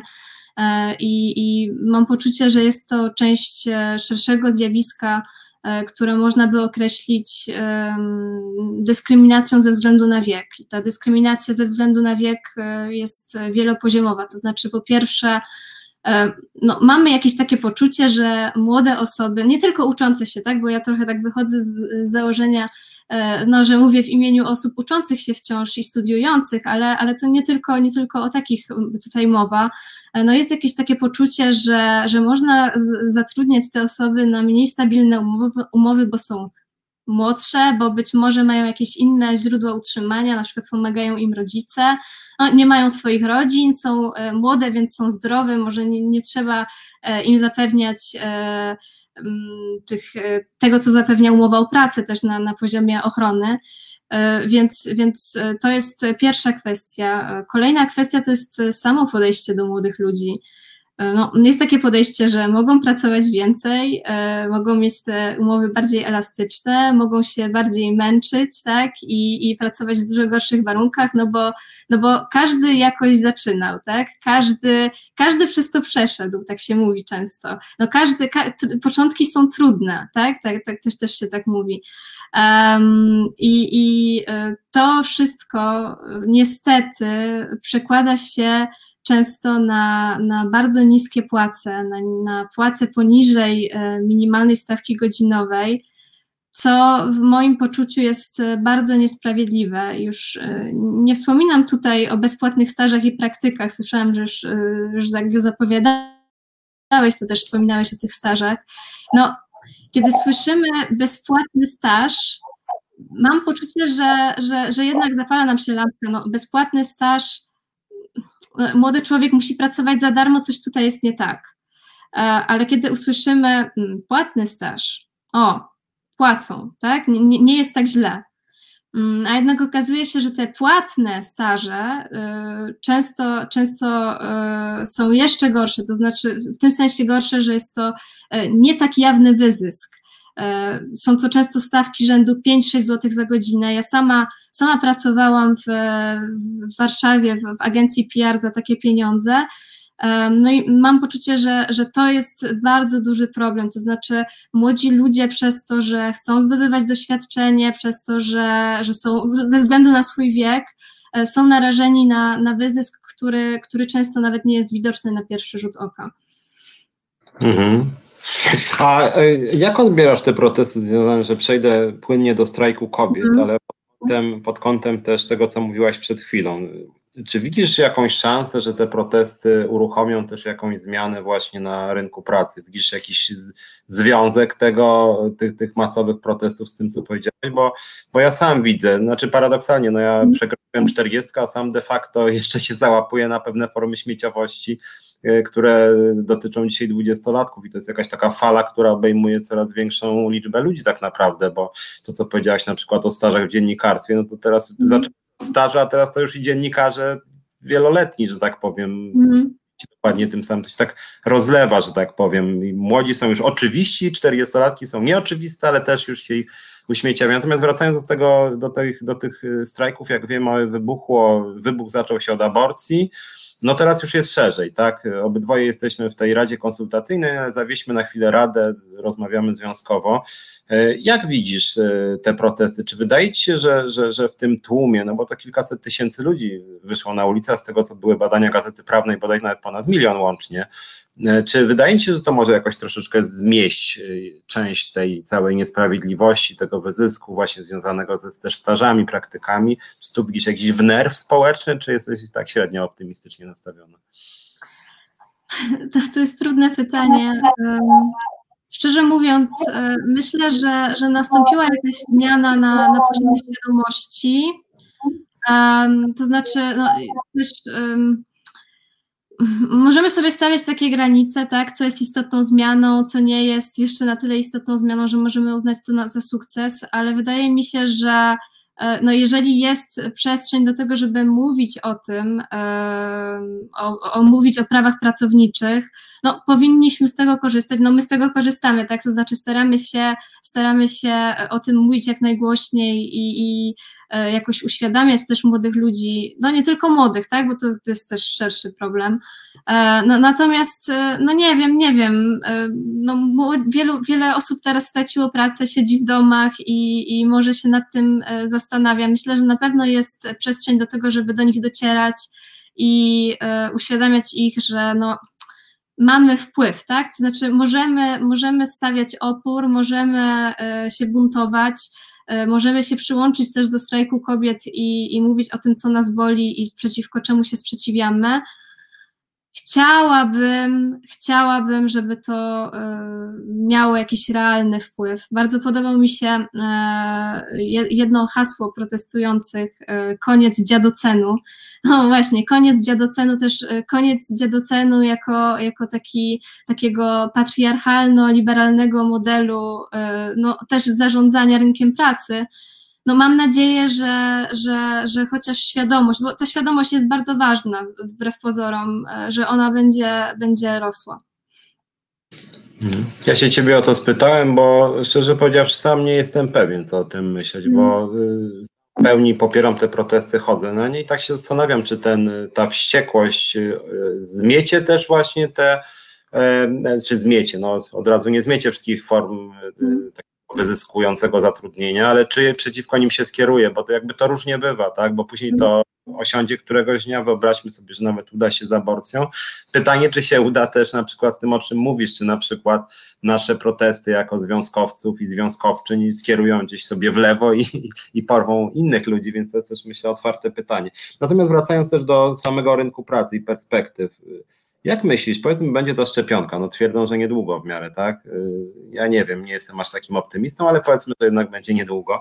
Jak myślisz, czy sytuacja, co się stanie w najbliższych miesiącach na rynku pracy? Czy jesteś tutaj optymistką, że na przykład y, wrócisz y, na rynek pracy i nagle będzie jakieś ożywienie i wtedy będzie rynek pracownika, bo generalnie wszyscy z radością wrócą na rynek pracy i będą pracownicy też, no łatwiej się będzie zorganizować. Jak, jak ci się wydaje, co będzie za pół roku? Ja wiem, że to jest trochę takie gdybanie, ale można się w to bawić, tym bardziej, że trzeba być na przyszłość przygotowanym. Trudno powiedzieć, jak zmieni się sytuacja na rynku pracy, e, ale myślę, że, e, że jeżeli wrócimy do bardziej normalnych e, warunków, to, to wielu pracodawców będzie chciało oszczędzić na pracownikach jednak, a rząd nie proponuje żadnej realnej ochrony przeciwko temu zjawisku. No tak, a najłatwiej przecież oszczędzić na, na młodych ludziach, tak? Bo oni są najbardziej naiwni, najbardziej podatni na to, więc więc myślę, że jeżeli my sobie tego e, nie przemyślimy mm, w taki bardziej szerszym, w szerszym kontekście, tak? To znaczy to, że nasza sytuacja e, na rynku pracy jest zła w momencie pandemii, no to to nie jest tylko kwestia pandemii, tak? To jest kwestia tego, co działo się na rynku pracy wcześniej i tego, jakie mamy prawo i tego, jak chroni nas inspekcja pracy. Więc szczerze mówiąc, jeżeli my tego nie przemyślimy, jeżeli nie zaczniemy realnie działać, tak, jeżeli nie zaczniemy wpływać na władzę w tej kwestii, jeżeli prawo się nie zmieni, jeżeli kompetencje inspekcji pracy się nie zmienią, no to będzie gorzej, tak? No bo myślę, że, że, że powrót do normalności po pandemii trochę potrwa i to będzie się działo kosztem pracownika.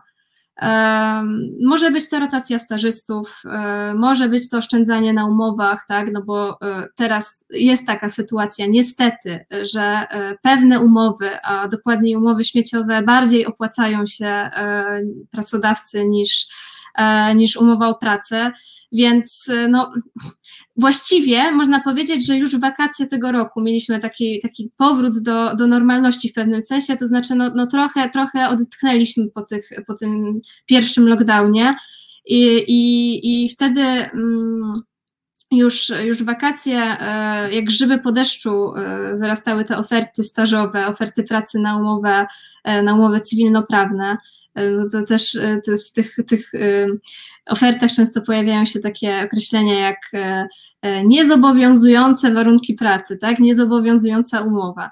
I sporo tego było, przyglądałam się temu bacznie e, w tym czasie. Wiadomo, że są to też okresy urlopowe, ale ale, ale myślę, że, że pandemia zrobiła swoje i myślę, że, że to będzie postępowało, jeżeli coś nie zmieni się też w naszej świadomości. Ja myślę, że, że tutaj z jednej strony prawo i zmiana sytuacji e, na poziomie legislacyjnym, ale też e, zmiana świadomości tak, młodych ludzi, ale też w ogóle pracowników na temat swojej. Mm, Andry, Stoł pisze, że panie Piotrze, ci młodzi progresywni związkowcy już nieśmiało przejmują władzę i wtedy wiadomo, kto będzie obsługiwał ksero. To żart bez urazy. E, znaczy, chciałbym być optymistą, nie jestem pewien, czy na razie jestem, może władzę się łatwiej będzie przejąć za dwa lata, no ale powiedzmy, że coś zaczyna, myślę, jednak dziać, e, nawet sądząc po waszych komentarzach, nie będę wszystkich przytaczał, ale generalnie wszyscy krytykują jednak te darmowe staże i nawet osoba tutaj BPH, który bronił poglądów liberalnych, wcześniej pisze, że staże darmowe faktycznie nie są fajną sprawą. Liczba pracujących kobiet w wieku produkcyjnym, tutaj BPH napisze 42,7, to było w 2013. Nie mam przed sobą danych GUS-u, według, z tego co pamiętam jest chyba około 47 e, czy 48 mężczyzn, 17% więcej. Jest bardzo duża przepaść, jak chodzi o aktywność zawodową kobiet i mężczyzn. Niestety zarządów PiS te wskaźniki się pogarszają na niekorzyść kobiet. Tak? E, wracając do naszej e, rozmowy i wracam do raportu, o którym już e, jakiś czas temu rozmawialiśmy. Sama przygotowałaś takie rekomendacje, zobaczymy jaka będzie przyszłość tych rekomendacji. Widzę, że poparcie dla nich jest z tego co widzę nawet na naszym forum, może ono nie jest w pełni reprezentatywne, ale myślę, że jakbyśmy zrobili sondaż, może jako związek pomyślimy nad zamówieniem sondażu odnośnie staży i praktyk, co ludzie myślą. No ale generalnie przygotowałaś taki, taki tekst, dłuższy raport na temat właśnie staży i praktyk. Ja tutaj naszych e, komentatorów wracam do tego, żebyście pisali właśnie o stażach i praktykach, bo o tym rozmawiamy. Jakie są Twoje tezy odnośnie staży i praktyk? Jak się w ogóle teraz pracuje, jak chodzi? Bo Ty masz doświadczenie większe. No, e, ja jakiś czas temu jednak byłem na rynku pracy. Dużo mm. tego jest, czy to jest powszechne? Jak to jest z tymi stażami i praktykami? Czy jest w ogóle jakiś typ stażu czy praktyki, gdzie naprawdę możesz czuć się bezpieczna finansowo, czy to w ogóle jest takie śmieciowe, te staże i praktyki? Mm, no, pierwszą kwestią jest to, że nie wiemy tak naprawdę, kim jest stażysta i co to jest staż, i to nie jest e, w żaden sposób uregulowane. Nie, tak, tak jakby nie ma różnicy między praktykantem a stażystą, też nie ma, nie ma jakiejś jasnej różnicy czy granicy między tym, co, co, kim jest osoba, która pracuje na umowie e, na okres próbny, a kim jest stażysta. To się wszystko rozmywa. E, też e, dużym problemem na rynku pracy w tym momencie jest to, że właściwie rynek pracy jest tak uśmieciowiony, że te, te, te umowy się często zazębiają. To znaczy, ja byłam na praktykach, znaczy nie na praktykach, byłam na stażu, tak, w, w, we wspomnianej agencji PR, gdzie miałam umowę o dzieło. Tak, przychodziłam e, na 5, 5 godzin, 8 godzin, 5 e, dni e, w tygodniu, 8 godzin. No i miałam umowę o dzieło, tak? I moim dziełem było doradztwo. Ja byłam doradcą formalnie. Na papierku byłam doradcą, a w praktyce byłam stażystką. Więc y, tak naprawdę to jest nieuregulowane prawnie, też na poziomie takim tak, umów, tak? Nie, nie, ma czegoś takiego jak umowa o staż. Takie coś nie istnieje. Istnieje staż z Urzędu Pracy, ale to wtedy y, dostajemy stypendium od Urzędu Pracy. Więc, e, więc to jest zupełnie co innego i trzeba mieć w ogóle też e, status e, bezrobotnego, a to nie jest takie proste, zwłaszcza dla młodych ludzi. Natomiast cała reszta praktyk i staży, no to to jest wszystko tak naprawdę umowne, tak? Zatrudnimy stażystę i zatrudniamy go na umowę zlecenie, na umowę o dzieło. Więc e, sytuacja nie jest prosta też pod tym względem e, i to od tego chyba należałoby zacząć, tak? Od tego, e, żeby określić, kim jest stażysta w świetle prawa, jakie są jego obowiązki, jakie są jego prawa, jak, jaką ochronę zapewnia mu państwo w, w czasie odbywania tych, tego stażu czy praktyk. A kolejną kwestią jest to, że no, nie ma minimalnej stawki godzinowej dla stażystów i to jest bardzo ważne, żeby ją ustalić. To jest moim zdaniem kluczowe, e, bo no, nawet umowa o dzieło, tak jak to brzmi, no, jest jakaś określona kwota, ale nie przekłada się to nijak na, na liczbę godzin, które, które taka osoba odbywa. Więc e, to jest bardzo ważny problem. Wiem, że w innych krajach jest to tak rozwiązane niekiedy, że, że, że to jest minimalna stawka godzinowa ogólnie obowiązująca. Może też, też być jakaś minimalna stawka godzinowa ustalona tylko dla stażystów, ale chodzi o to, żeby to było uregulowane, tak, żeby to, żeby, żeby były, były jakieś jasne, jasno określone zasady, które pozwoliłyby zapobiegać wyzyskowi młodych ludzi. Um, tak, y, więc, więc to jest na, chyba takie najważniejsze kwestie, jeżeli chodzi o, o sytuację e, stażystów na rynku pracy. Mhm. Tak, tu piszą nasi słuchacze o swoich doświadczeniach. W swoim życiu Michał Dębowski przemiał łącznie 7 miesięcy praktyk, zarobki 0 zł. Mhm. Umowa między uczelnią a pracodawcą. Ostatni nawet nie proponuje umowy zlecenia o dzieło. E, Anna Gryta, Michał Wiele Przedsiębiorstw stażach stoi, pójdzie na taśmę na pół roku, po pół roku zmiana, czyli Urząd Pracy utrzymuje mi pracowników. E, tak, albo uczelnia co roku wypuszcza blisko setkę studentów, którzy potrzebują stażu do zaliczenia studiów, więc jak mamy, rozumiem, cały system takiego zorganizowanego tak. niepłacenia i można się tak naprawdę bawić i cała firma może de facto stać takimi stażami i mieć duże z tego zyski po prostu. Jak myślisz tak, y, bo sporo powiedziałaś i uzupełniają nasi widzowie swoimi uwagami, że generalnie wygląda to tak naprawdę można wyzyskiwać tych młodych ludzi na masową skalę. Jakie byłyby Twoje, jakie są Twoje rekomendacje, żeby to e, poprawić? Rozumiem, że jedna rzecz, którą powiedziałaś, to jest e, oczywiście kwestia płacowa, tak? Czyli jakaś forma minimalnego wynagrodzenia. Nawet jak nie pełnego, to jakiegoś, tak? Mhm.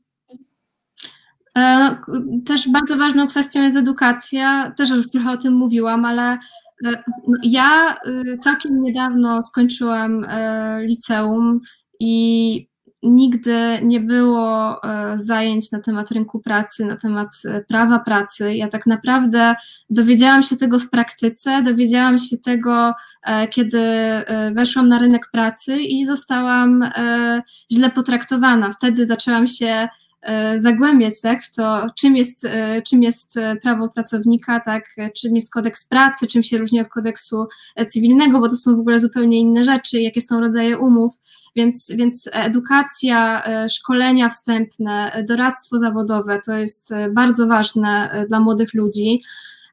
Też no, na stabilne warunki zatrudnienia też jednak przekłada się zwiększenie roli Państwowej Inspekcji Pracy, która powinna kontrolować to, co dzieje się na poziomie prawnym i na poziomie też samego przedsiębiorstwa, tak, kto tam pracuje, ilu jest, ilu jest tych stażystów, e, jakie są odstępy czasu między jednym stażystą a kolejnym stażystą, no bo no, nie może być tak, że przychodzi jeden, y, kończy jeden i przychodzi kolejny, tak, na to samo miejsce, no to, to, to jest, y, no to jest po prostu oszczędzanie, tak, na, na pracownikach w takiej sytuacji. No też powinna, powi, powinny istnieć jakieś programy, które pozwalałyby na walkę z dyskryminacją dyskryminacją w miejscu pracy. E, status stażysty powinien być jasno określony. Myślę, że powinna być zwiększona też rola kształcenia zawodowego, e, jakiś zasiłek dla bezrobotnych, e, też, który przysługiwałby osobom, które dopiero wchodzą na rynek pracy, tak? bo w tym momencie on przysługuje tylko osobom, które już miały szansę pracować na umowę E, o pracę, a no, ja sama znam, tak jak e, ktoś napisał e, o chyba siedmiu miesiącach, tak, czy sześciu miesiącach stażu, no ja, ja znam osoby, które były na pięciu, sześciu stażach w swoim życiu. I co? I no, nie mają prawa do zasiłku dla bezrobotnych, no bo to w ogóle była praca widmo tak naprawdę. Nie można jej, e, no nie liczy się do niczego, tak? To znaczy, no to nawet do stażu pracy się nie liczy, więc, więc to jest duży problem. E, no i też myślę, że powinny zostać wdrożone e, rozwiązania technologiczne, które umożliwiły, umożliwiły, umożliwiłyby pracę e, zdalną osobom, które, które wchodzą na rynek pracy, tak? bo to nie jest takie proste. Znaczy, no myślę, że, że nie, niechętnie zatrudnia się osoby, które dopiero zaczynają tak? na pracę zdalną. Jednak no, liczymy na to, że osoba, która będzie pracowała zdalnie, będzie miała jakieś doświadczenie w, tej, w, w tym zakresie. E, no też jakieś unowocześnienie, tak, cyfrowe rozwiązania pozwalające na rekrutację i szkolenia zdalne, to jest bardzo ważne. Mm, no i przede wszystkim Państwowa Inspekcja Pracy, chociaż no, to też e, jest trudny temat i nie, nie zawsze, nie zawsze e, wiadomo, jak to rozwiązać na poziomie też e, no, czy dofinansować jak inspekcję pracy, czy zwiększyć jej zakres obowiązków, no to jest też bardzo trudne zagadnienie. No dobra, będziemy kończyć, bo zaraz pogadam z prawnikiem. Być może też o to spytam, co zrobić, żeby możliwie szybko e, te nowe przepisy, które sugerujesz, wdrożyć. No nic, będziemy, że tak powiem, monitorować. Może gdzieś za półtora miesiąca się spotkamy i może coś optymistycznego bardziej powiemy też dla ludzi, którzy wchodzą na rynek pracy. Bardzo Karolina Ci dziękuję i polecam młodym ludziom, żeby wstępowali do Komisji Młodych Związkowej Alternatywy. Tak, zachęcamy. No a my się za chwileczkę słyszymy, zróbmy króciusieńką przerwę i zaraz Piotr Bocianowski będzie z nami rozmawiać. Reset Obywatelski. Medium, które tworzysz razem z nami. Komentuj, pisz i wspieraj. I witam z powrotem, wracamy. Piotr Szumlewicz jest ze mną, Piotr Bocianowski, prawnik. Witaj Piotrze. Dobry wieczór Piotrze, dobry wieczór Państwu. No rzecz bardzo ważna, mianowicie prawo. Ja muszę Wam powiedzieć, że odkąd y, zaangażowałem się w działalność związkową, naprawdę doceniam prawo. Często argumentami prawnymi można przekonać pracodawców nawet bez procesu sądowego do tego, żeby pewne rzeczy jednak wdrożył, bo jak mu się przedstawi odpowiednio, to wie, żeby proces po prostu przegrał. Dlatego Staram się regularnie z Piotrem rozmawiać e, odnośnie praw pracowniczych. Dzisiaj chciałem e, odnośnie dwóch spraw tak naprawdę, czyli praw pracowniczych e, przy okazji epidemii i odnośnie prawa do strajków. Zacznijmy może od tej pierwszej sprawy. Ostatnio przeczytałem od kilku osób nawet mi pisało taką rzecz, mianowicie, że sytuacja w czasie epidemii osób zwalnianych wygląda inaczej niż poza epidemią i że zwolnienie nawet jednej osoby z powodu epidemii koronawirusa jest dokonywane w innym trybie e, niż, e, niż jak tego wirusa nie było, czy jeżeli zwalnia się z innych przyczyn. Jak to jest z tymi zwolnieniami z powodu koronawirusa? Czy jak ja jestem zwolniony przez pracodawcę z tego względu, że koronawirus jakoś mu zaszkodził, to ja mogę liczyć na jakieś, nie wiem, wyższe odprawy, wypłaty, czy tryb mojego zwolnienia jest rzeczywiście jakiś inny, dla mnie bardziej e, przychylny? Jak to jest? Znaczy, może wyjaśnimy jedną podstawową rzecz, że tak naprawdę za sam epidemię, za samą epidemię koronawirusa pracodawca zwolnić nie może. On musi mieć uzasadnione rzeczywiste przyczyny dotyczące tego konkretnego pracownika, albo dotyczące wykonywania przez niego obowiązków, albo dotyczące sytuacji po stronie pracodawcy. Czyli jeżeli mamy zwolnienia związane z koronawirusem, to najczęściej e, wypowiedzeniu umowy na czas nieokreślony powinna być wskazana przyczyna, e, która jest skutkiem epidemii, czyli na przykład reorganizacja pracy u pracodawcy, likwidacja stanowiska pracy, szukanie oszczędności. Te przyczyny muszą być precyzyjne i one się dzielą po prostu albo na przyczyny po stronie pracownika, ale to raczej nie, nie ta kwestia. Tutaj COVID powoduje pewne no, ograniczenie działalności pracodawcy i te przyczyny dotyczą pracodawcy.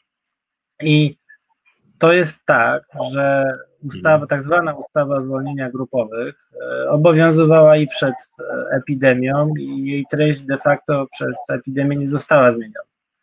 W ramach tej ustawy funkcjonował i funkcjonuje artykuł 10, który mówi o tak zwanych indywidualnych zwolnieniach pracowników z przyczyn dotyczących pracodawcy. I ten artykuł tam jest, był, jest i prawdopodobnie e, będzie.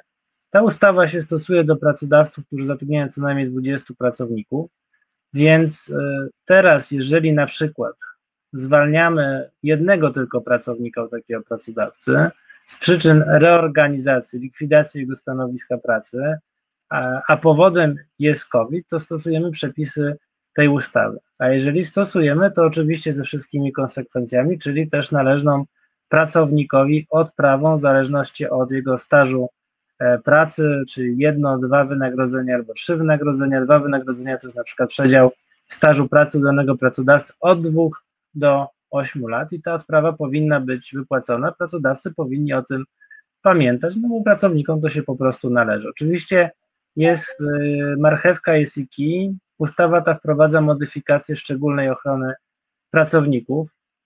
Na przykład y, pracownik, który ma prawo do urlopu wychowawczego i składa wniosek o obniżenie etatu, no tutaj jest wyłączony spod tej ochrony i może takie wypowiedzenie e, z tytułu likwidacji jego stanowiska pracy otrzymać, ale oczywiście wiąże się to z wypłatą odprawy na rzecz e, pracowników. Co zmienił e, koronawirus, co zmienił ustawy, tak zwane ustawy związane z COVID-em?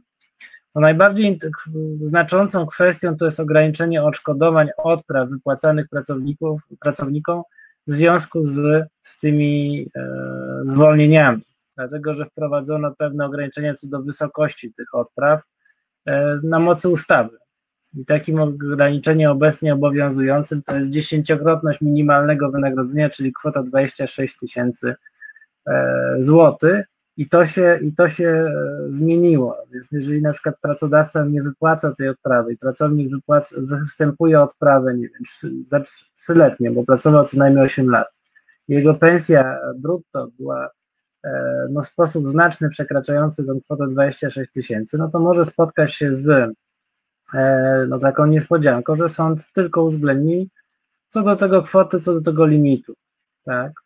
Więc e, czy coś się zmieniło? E, te przepisy były, tylko świadomość pracowników, no taka informacja dla nich no nie była powszechna, że, że takie zwolnienia indywidualne oprócz zwolnień grupowych mogą wystąpić i trzeba się z tym liczyć.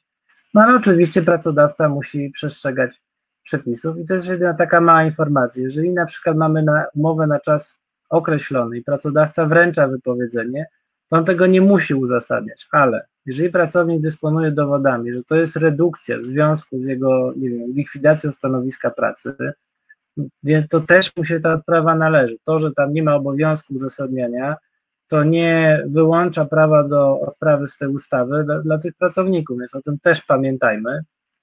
E, I też badajmy zawsze przyczyny wypowiedzeń, czyli te przyczyny, podkreślam, muszą być prawdziwe, konkretne, zrozumiałe dla pracownika. Nie może to być ogólna jakaś formułka, która nie, nie uzasadnia tego zwolnienia pracownika, czyli musi być opisany powód reorganizacji, czyli konkretny spadek obrotu w związku z COVID-em, a nie tylko jedno zdanie, zwalniam cię z powodu COVID-a. Nie ma czegoś, tak, nie powinno mieć miejsca czegoś takiego. A chciałem się Cię spytać, bo dawno nie rozmawialiśmy i trochę się już zacząłem gubić. Jak to teraz jest z tymi pomocami z poszczególnych tarczy? Bo jak wiemy, rząd wydał, chwalił się nawet jakieś 150 miliardów złotych nawet i te pieniądze cały czas idą. Czy, czy dzisiaj już z tej pomocy pierwotnej, kwietniowej cokolwiek zostało, czy firmy już tylko muszą, że tak powiem, spełniać te zobowiązania, które zadeklarowały pół roku temu? Czy E, czy z tych przepisów, które śledziłeś nawet ostatnio, jest jakiś taki pewniak dla pracowników, że właśnie jestem w jakiejś branży i na pewno coś dostanę, czy, czy, czy, czy na razie według Twojej wiedzy jest tylko to, co zostało uchwalone kilka miesięcy temu? Jak to teraz wygląda z tą pomocą? Mogą pracownicy w ogóle na coś liczyć? Czy firmy mogą na coś liczyć? Jak to jest? E, znaczy, czysto teoretycznie pomoc ta z wiosny e, powinna obowiązywać do końca roku ale oczywiście no, tam zabudżetowane środki w znacznej części zostały e, wykorzystane. No i jak wiemy teraz no, są prace nad tak zwaną tarczą branżową, czy też niektórzy nazywają to tarcza 6.0, ale raczej to jest tarcza e, branżowa, e, która e, wprowadza pomoc skierowaną do określonych branż. Czyli to jest, nie jest tak zwany helikopter finansowy, że wszyscy, którzy mają spadek przychodów, dochodów, obrotów e, dostają pomoc, tylko dostają określone branże. No i oczywiście tu jest dyskusja i w Sejmie, już teraz w Senacie, bo ustawa trafiła do Senatu, przegłosowywane są pewne poprawki, e, jakie branże powinny dostać to dofinansowanie i tą e, pomoc. Jest to pomoc, nawet patrząc na skalę środków, no to to jest zdecydowanie mniejsza pomoc niż ta na wiosnę. Teraz to nawet z deklaracji rządowych wynika, że to jest pomoc do, dotycząca określonych branż, jest mniejsza. E, no oczywiście tutaj jest kwestia zwolnienia e, ZUS za każdego pracownika z branż, które są objęte przepisami. E, pierwotnie to było zwolnienie za listopad i dotyczyło mikroprzedsiębiorców, czyli też nie wszystkich pracodawców. E, znalazła się też pomoc w postaci dofinansowania dla przedsiębiorców w kwocie 5 tysięcy złotych i też dofinansowanie tutaj e, raczej będzie to dla większej grupy przedsiębiorców z tych branż na utrzymanie miejsc pracy z Funduszu Gwarantowanych Świadczeń Pracowniczych w kwocie 2000 e, złotych Czyli podobnie jak na wiosnę, czyli będziemy, będziemy pracodawcy muszą złożyć określone dane, wniosek o pomoc i będzie dofinansowanie na 3 miesiące. Przez te 3 miesiące pracownika e, no, zwolnić nie można, więc to jest pomoc jest powiązana z, z ochroną.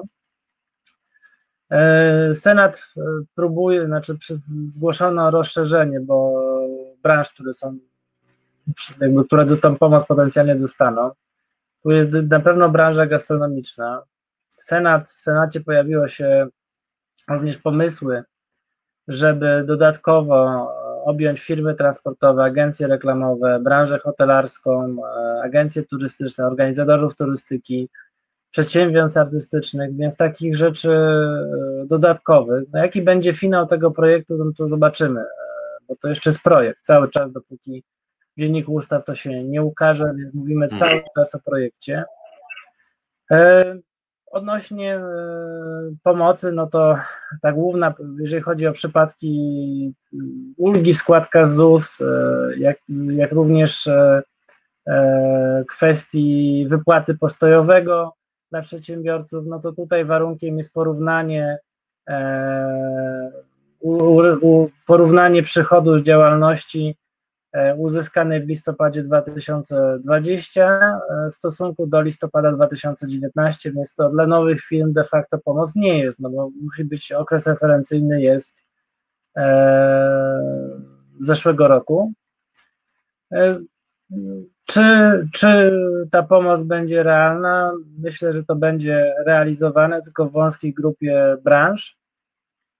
Czy, to, czy ta pomoc będzie wystarczająca, trudno ocenić. No, Najbardziej pracodawcy liczą na dofinansowanie wynagrodzeń do pracowników i najbardziej dotknięta w tym momencie jest między innymi no, branża gastronomiczna, e, a będzie branża turystyczna, turystyki zimowej, hotele, pracownicy wyciągów, pracownicy sezonowi, instruktorzy, nie mówiąc już o branży no, rozrywkowej, która po prostu no, nie funkcjonuje. E, więc cały czas to jest tworzone. E, Zobaczymy, jaki będzie efekt.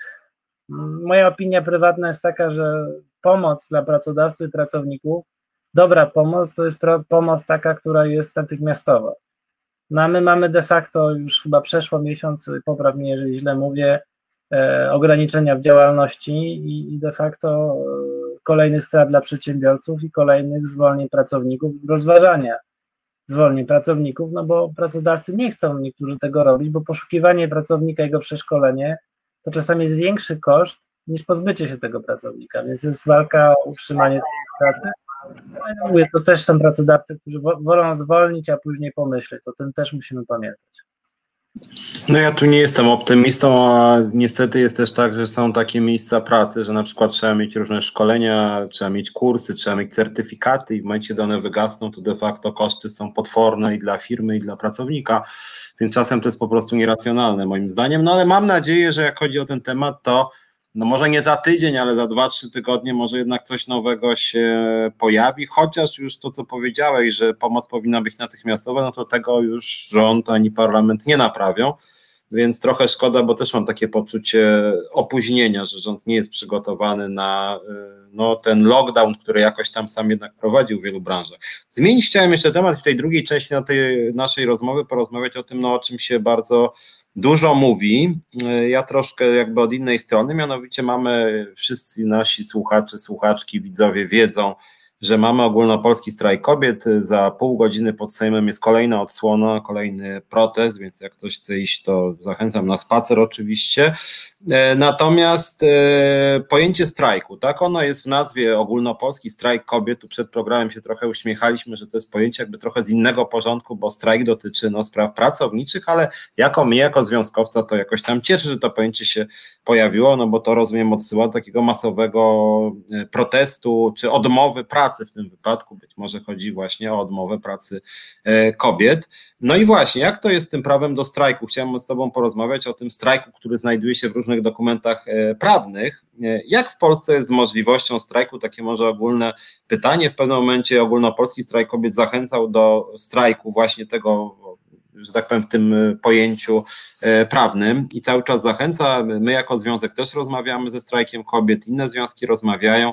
W jakich sytuacjach w Polsce pracownicy mogą strajkować i czy można Mm, sobie wyobrazić, że na przykład za miesiąc będzie, no nie wiem, strajk generalny. Co to by w ogóle miało być w takim razie? Jak to jest z tym prawem do strajku w Polsce? Ja, ja może za, zacznę od tego, e, że rzeczywiście no, tu się zgadzamy, że strajk w rozumieniu prawa pracy, zbiorowego prawa pracy, no to nie jest to, co teraz, teraz naokoło mamy. Bo moim zdaniem właściwsza nazwa to jest narodowy protest, tak? E, narodowy protest e, celu uzyskania realizacji pewnych praw obywatelskich, tak bym to określił. A strajk w rozumieniu prawa pracy to jest powstrzymanie się pracowników od wykonywania w pracy w celu rozwiązania sporu dotyczącego warunków pracy, płacy, świadczeń socjalnych, praw i wolności związkowych pracowników lub innych grup, którym przysługuje prawo zrzeszania się w związkach zawodowych. Mamy określoną procedurę wszczynania strajku, mamy procedurę rokowań zbiorowych, przepraszam, mamy to uregulowane na gruncie zbiorowego prawa pracy. Czyli tam strajk dotyczy powiedzmy praw pracowniczych e, i jest, polega na tym, że się pracownicy w danym zakładzie pracy, czy w zakładach, czy, czy ramach Solidarności cała centrala związkowa e, podejmuje strajk, wstrzymują się od pracy. Tutaj raczej, jeżeli chodzi o e, ruch społeczny strajku kobiet, no to mamy narodowy protest społeczny. E, ja może bym powiedział parę słów e, takich związanych z praktycznymi aspektami prawnymi udziału w takim proteście. Myślę, że to jest bardzo ważne, no bo cały czas to się dzieje, za chwilę mamy jakby kolejny protest, no bo tu jest kwestia taka, czy taka osoba, która chciałaby brać udział w tym procesie, to jeżeli on się odbywa w godzinach pracy, czy ona może, czy na jakich zasadach, czy pracodawca może, czy musi, czy może ją, ją zwolnić. No zacznijmy e, od tego, że e, tak naprawdę no, samowolnie pracy porzucić nie możemy. Tak? Pracownik, czas pracownika w pracy jest e, ewidencjonowany i jest podporządkowany pracodawcy. Ale to nie jest tak, że pracownik z tej pracy na strajk kobiet wyjść nie może. Mamy pewne instrumenty, które są przewidziane w prawie pracy. No, urlop na żądanie jest to urlop wypoczynkowy, który możemy raz e, zgłosić na 4 dni w danym roku kalendarzowym. Tylko też no, należy pamiętać, że ten wniosek to ma być zgłoszony najpóźniej e, w dniu rozpoczęcia urlopu. To nie jest tak, że idziemy powiedzmy teraz protestować i po jednym dniu składamy wniosek za dzień wczorajszy, bo taki, taki urlop e, on jest na żądanie, czyli pracodawca go musi udzielić, ale on jak każdy urlop po prostu jest, e, no powiedzmy, e, udzielany przez pracodawcę, wpisywany do czasu pracy. Więc jak go nie, nie udzieli, a ma obowiązek udzielić, no to jest nieusprawiedliwiona nieobecność i możemy mieć konsekwencje aż do zwolnienia z pracy dyscyplinarnego z winy pracownika, więc o tym pamiętajmy. Jeszcze jest coś takiego jak, no i od, każda nieobecność pracy pracownik musi usprawiedliwić. Więc y, jedna, jedno rozwiązanie to jest urlop żądanie. Druga kwestia to jest urlop bezpłatny, ale to musi się pracodawca zgodzić. Więc może też zwolnić. Można też e, złożyć wniosek na tak zwane potocznie wyjście prywatne, czyli uzgodnione z pracodawcą wyjście mające e, na celu załatwienie spraw prywatnych. Tak? Nie jest to płatne, e, nie przysługuje wynagrodzenie, jest to później odpracowywane. Ze zgodą pracodawcy można to zrobić i wyjść, i wyjść e, z pracy. E, co jeszcze e, trzeba pamiętać? Trzeba pamiętać, że zgłaszając urlop na żądanie, trzeba przejrzeć, jakie są formy składania takich wniosków urlopowych o pracodawcę. Bo kodeks nie wymaga, że to ma być na piśmie, więc może być ustnie, może być mailowo, może być SMS-em, ale żeby pracownik czuł się komfortowo, to na pewno warto to złożyć albo na piśmie, albo mailem ale najpierw sprawdzić, jak to jest regulowane u pracodawcy, bo może się okazać, że wymagany jest wniosek pisemny. Więc to jest, e, to jest e, kwestia e, zasadnicza. Proszę też pamiętać, że jeżeli pracownik jest na pracy zdalnej, to na ten protest bez zgody pracodawcy, bez urlopu na żądanie pójść nie może, bo praca zdalna jest pracą, czyli pozostajemy w dyspozycji pracodawcy. Więc nie jest tak, że my odstajemy od klawiatury, idziemy, tylko to musi również być e, rozwiązane w którychkolwiek z tych, e, z tych form, no bo cały czas może nam grozić duża sankcja zwolnienia, nawet zwolnienie z pracy, jeżeli będziemy mieli nieusprawiedliwione nie, nieobecności.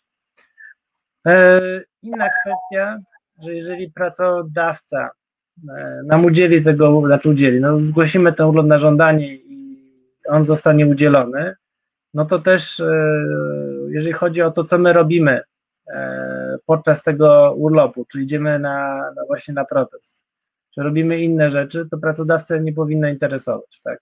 To już jest e, sprawa pracownika, on wypoczywa. I teraz e, ważna rzecz, e, taka sugestia, że na zwolnieniu lekarskim, co do zasady, pracownik jest niezdolny do pracy. Jeżeli na przykład ma wska wskazanie lekarskie do leżenia, czyli nie leżenia, tak, to co do zasady no na protest nie powinien pójść, bo to jest naruszenie warunków tego zwolnienia lekarskiego, tak? Naruszenie i to może powodować konsekwencje z ZUS-em, czyli obowiązek zwrotu zasiłku chorobowego i z pracodawcą, który może e, po prostu tu też wyciągnąć konsekwencje. Więc zwolnienie lekarskie służy do przywrócenia e, zdrowia pracownika, no na protest udać się nie możemy. Ja też słyszałem takie głosy, że no jak ma ktoś zwolnienie od e, psychiatry, tak zwane chodzące, czyli po prostu może chodzić, no to na proces też się może udać, bo to jest forma terapii. No coś w tym, coś w tym jest, że, że, że rzeczywiście, że rzeczywiście e, tutaj to jest dyskusyjne, ale mówię, co do zasady nie, nie, nie zalecałbym brania zwolnienia, zwolnienia lekarskiego, a później protestowania, bo konsekwencje można, mogą być różne, można to inaczej z pracodawcą po prostu rozwiązać. No oczywiście, co jest, e, co jest, co jest bardzo, no takie moim zdaniem dosyć, dosyć e, oczywiste, no to jeżeli jesteśmy na kwarantannie, no to też na protest nie pójdziemy, tak, e, lub w izolacji, tak. No jeszcze jest taka kwestia, że przysługuje nam, przysługuje zwolnienie na opiekę nad dzieckiem, to też jest taka forma wniosku, bodajże to są chyba na opiekę są dwa dni w roku kalendarzowym, z głowy mówię, więc też taki wniosek można złożyć. I to tak pokrótce, jeżeli chodzi o taki man, ogólny manual związany z tymi protestami. A kwestia strajku, no to jest zupełnie zupełnie inna, inna, inna bajka. To jest kwestia związków zawodowych, e, które po prostu wyczerpując procedurę rokowań zbiorowych z pracodawcą, e, po jakichś akcjach protest, protestacyjnych, e, podejmują referendum strajkowe i pracownicy po prostu powstrzymują się od pracy. I to jest taki typowy, typowy strajk ze zbiorowego prawa pracy. Więc tu my mówimy o proteście, no i oczywiście to, co wspomniałeś, co jest ciekawe, to są tak zwane strajki solidarnościowe, kiedy centrale związkowe decydują się, że na zasadzie solidarności z jakąś branżą, z jakimiś pracownikami, oni również podejmują e, strajk, albo strajk generalny związków zawodowych. To szczególnie widać, nie wiem, we Francji, we Włoszech, kiedy poszczególne centrale związkowe z poszczególnych branż transportu przede wszystkim powstrzymują się od pracy, e, ale tak pamiętajmy, że strajk w rozumieniu no, prawa pracy, zbiorowego prawa pracy jest zawsze związany z pracownikami, walkę, walką o prawa pracowników i wstrzymaniem się od, od wykonywania pracy. A tutaj no, my mamy protesty, protesty społeczne dotyczące no, praw obywatelskich e, i egzekwowania tych praw e, wobec obywateli. Taka różnica. Ale ale jeżeli, a jak to jest z tym e, strajkiem solidarnościowym? Czy czego, jakiej to sytuacji dotyczy? Czy na przykład, jeżeli, nie wiem, dajmy na to pracownicy, nie wiem, poczty, e, chcą zastrajkować w związku, no nie wiem, z tym, że jakaś e, grupa jest jej bardzo źle i na przykład nie może strajkować, to o to chodzi. Jak, jak, jak, jak wtedy wygląda procedura? Czy, czy musi być referendum strajkowe, czy w Polsce jest możliwość, że pół gospodarki stanie z powodu strajku solidarnościowego? Czy, czy, czy w Polsce tego typu procedury są to jednak jest, e, ciężkie? Że tak, tak ogólnie tłumacząc, strajk solidarnościowy to jest taki strajk, który wynika ze wspólnych interesów e, całego zbioru pracowników. On nie jest ograniczony do terytorium zakładu pracy, czy przynależności do tej samej e, branży. Tak? Jest to strajk w obronie praw i interesów pracowników, którzy na przykład nie mają prawa do strajku, a zorganizowany jest przez związek zawodowy działający w innym zakładzie. No i z tego, co tam z głowy, bo nie widzę ustawy, no to nie może trwać dłużej niż, niż, niż e, z tego, co pamiętam, e, pół dnia e, roboczego, tak? Więc e, tam stosuje się odpo oczywiście odpowiednio przepisy dotyczące strajku tego, tego właściwego, tak? no bo ten strajk właściwy to jest po przeprowadzeniu rokowań, referendum strajkowego i to jest taka ostateczna akcja w zakładzie pracy.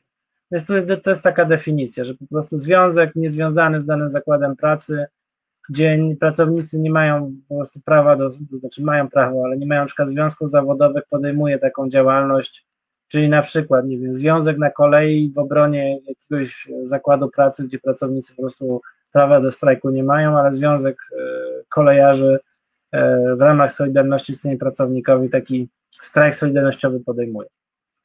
Tu jedna nasza e,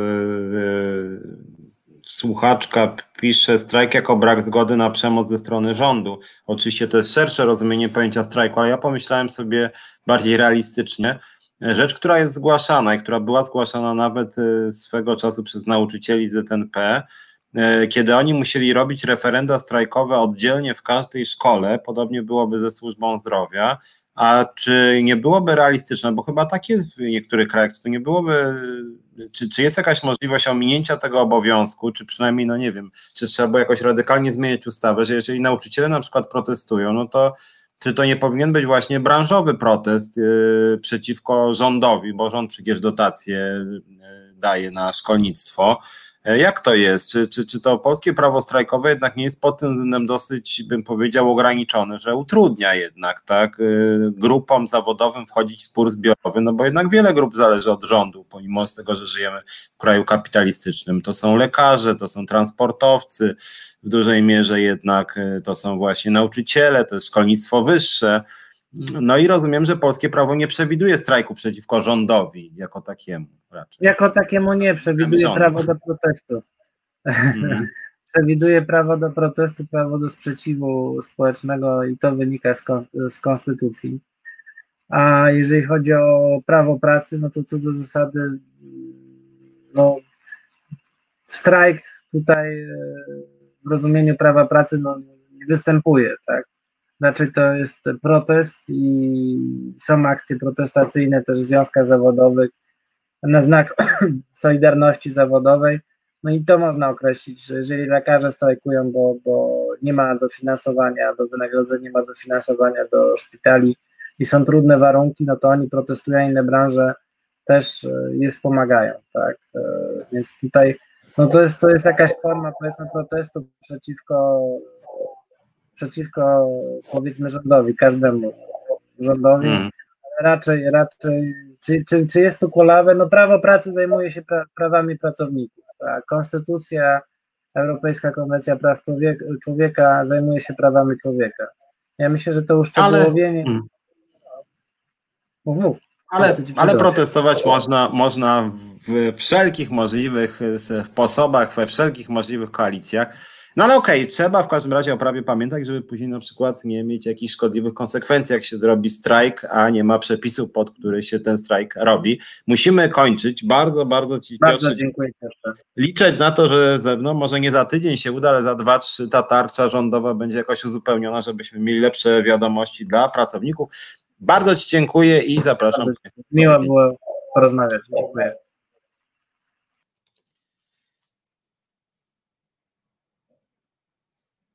A ja Państwu dziękuję, bo się nie pożegnałem. Myślałem, że, że, że, że już się rozłączyliśmy. Sły, widzimy się i słyszymy za tydzień. Teraz ja już indywidualnie, ale Piotra Bocianowskiego też będę tutaj zapraszał i liczę na to, żebyście się przygotowywali odnośnie właśnie kwestii prawnych. Zapraszam, żebyście właśnie e, pytali, jakie są Wasze problemy i oczywiście zapraszam do Związkowej Alternatywy i bardzo dziękuję, bo już jestem tutaj trochę opóźniony. Za chwilę następny program też zapraszam do oglądania. Dzięki i za tydzień się widzimy i słyszymy. To był program Resetu Obywatelskiego. Subskrybuj nasz kanał na YouTube, obserwuj na Facebooku i Twitterze.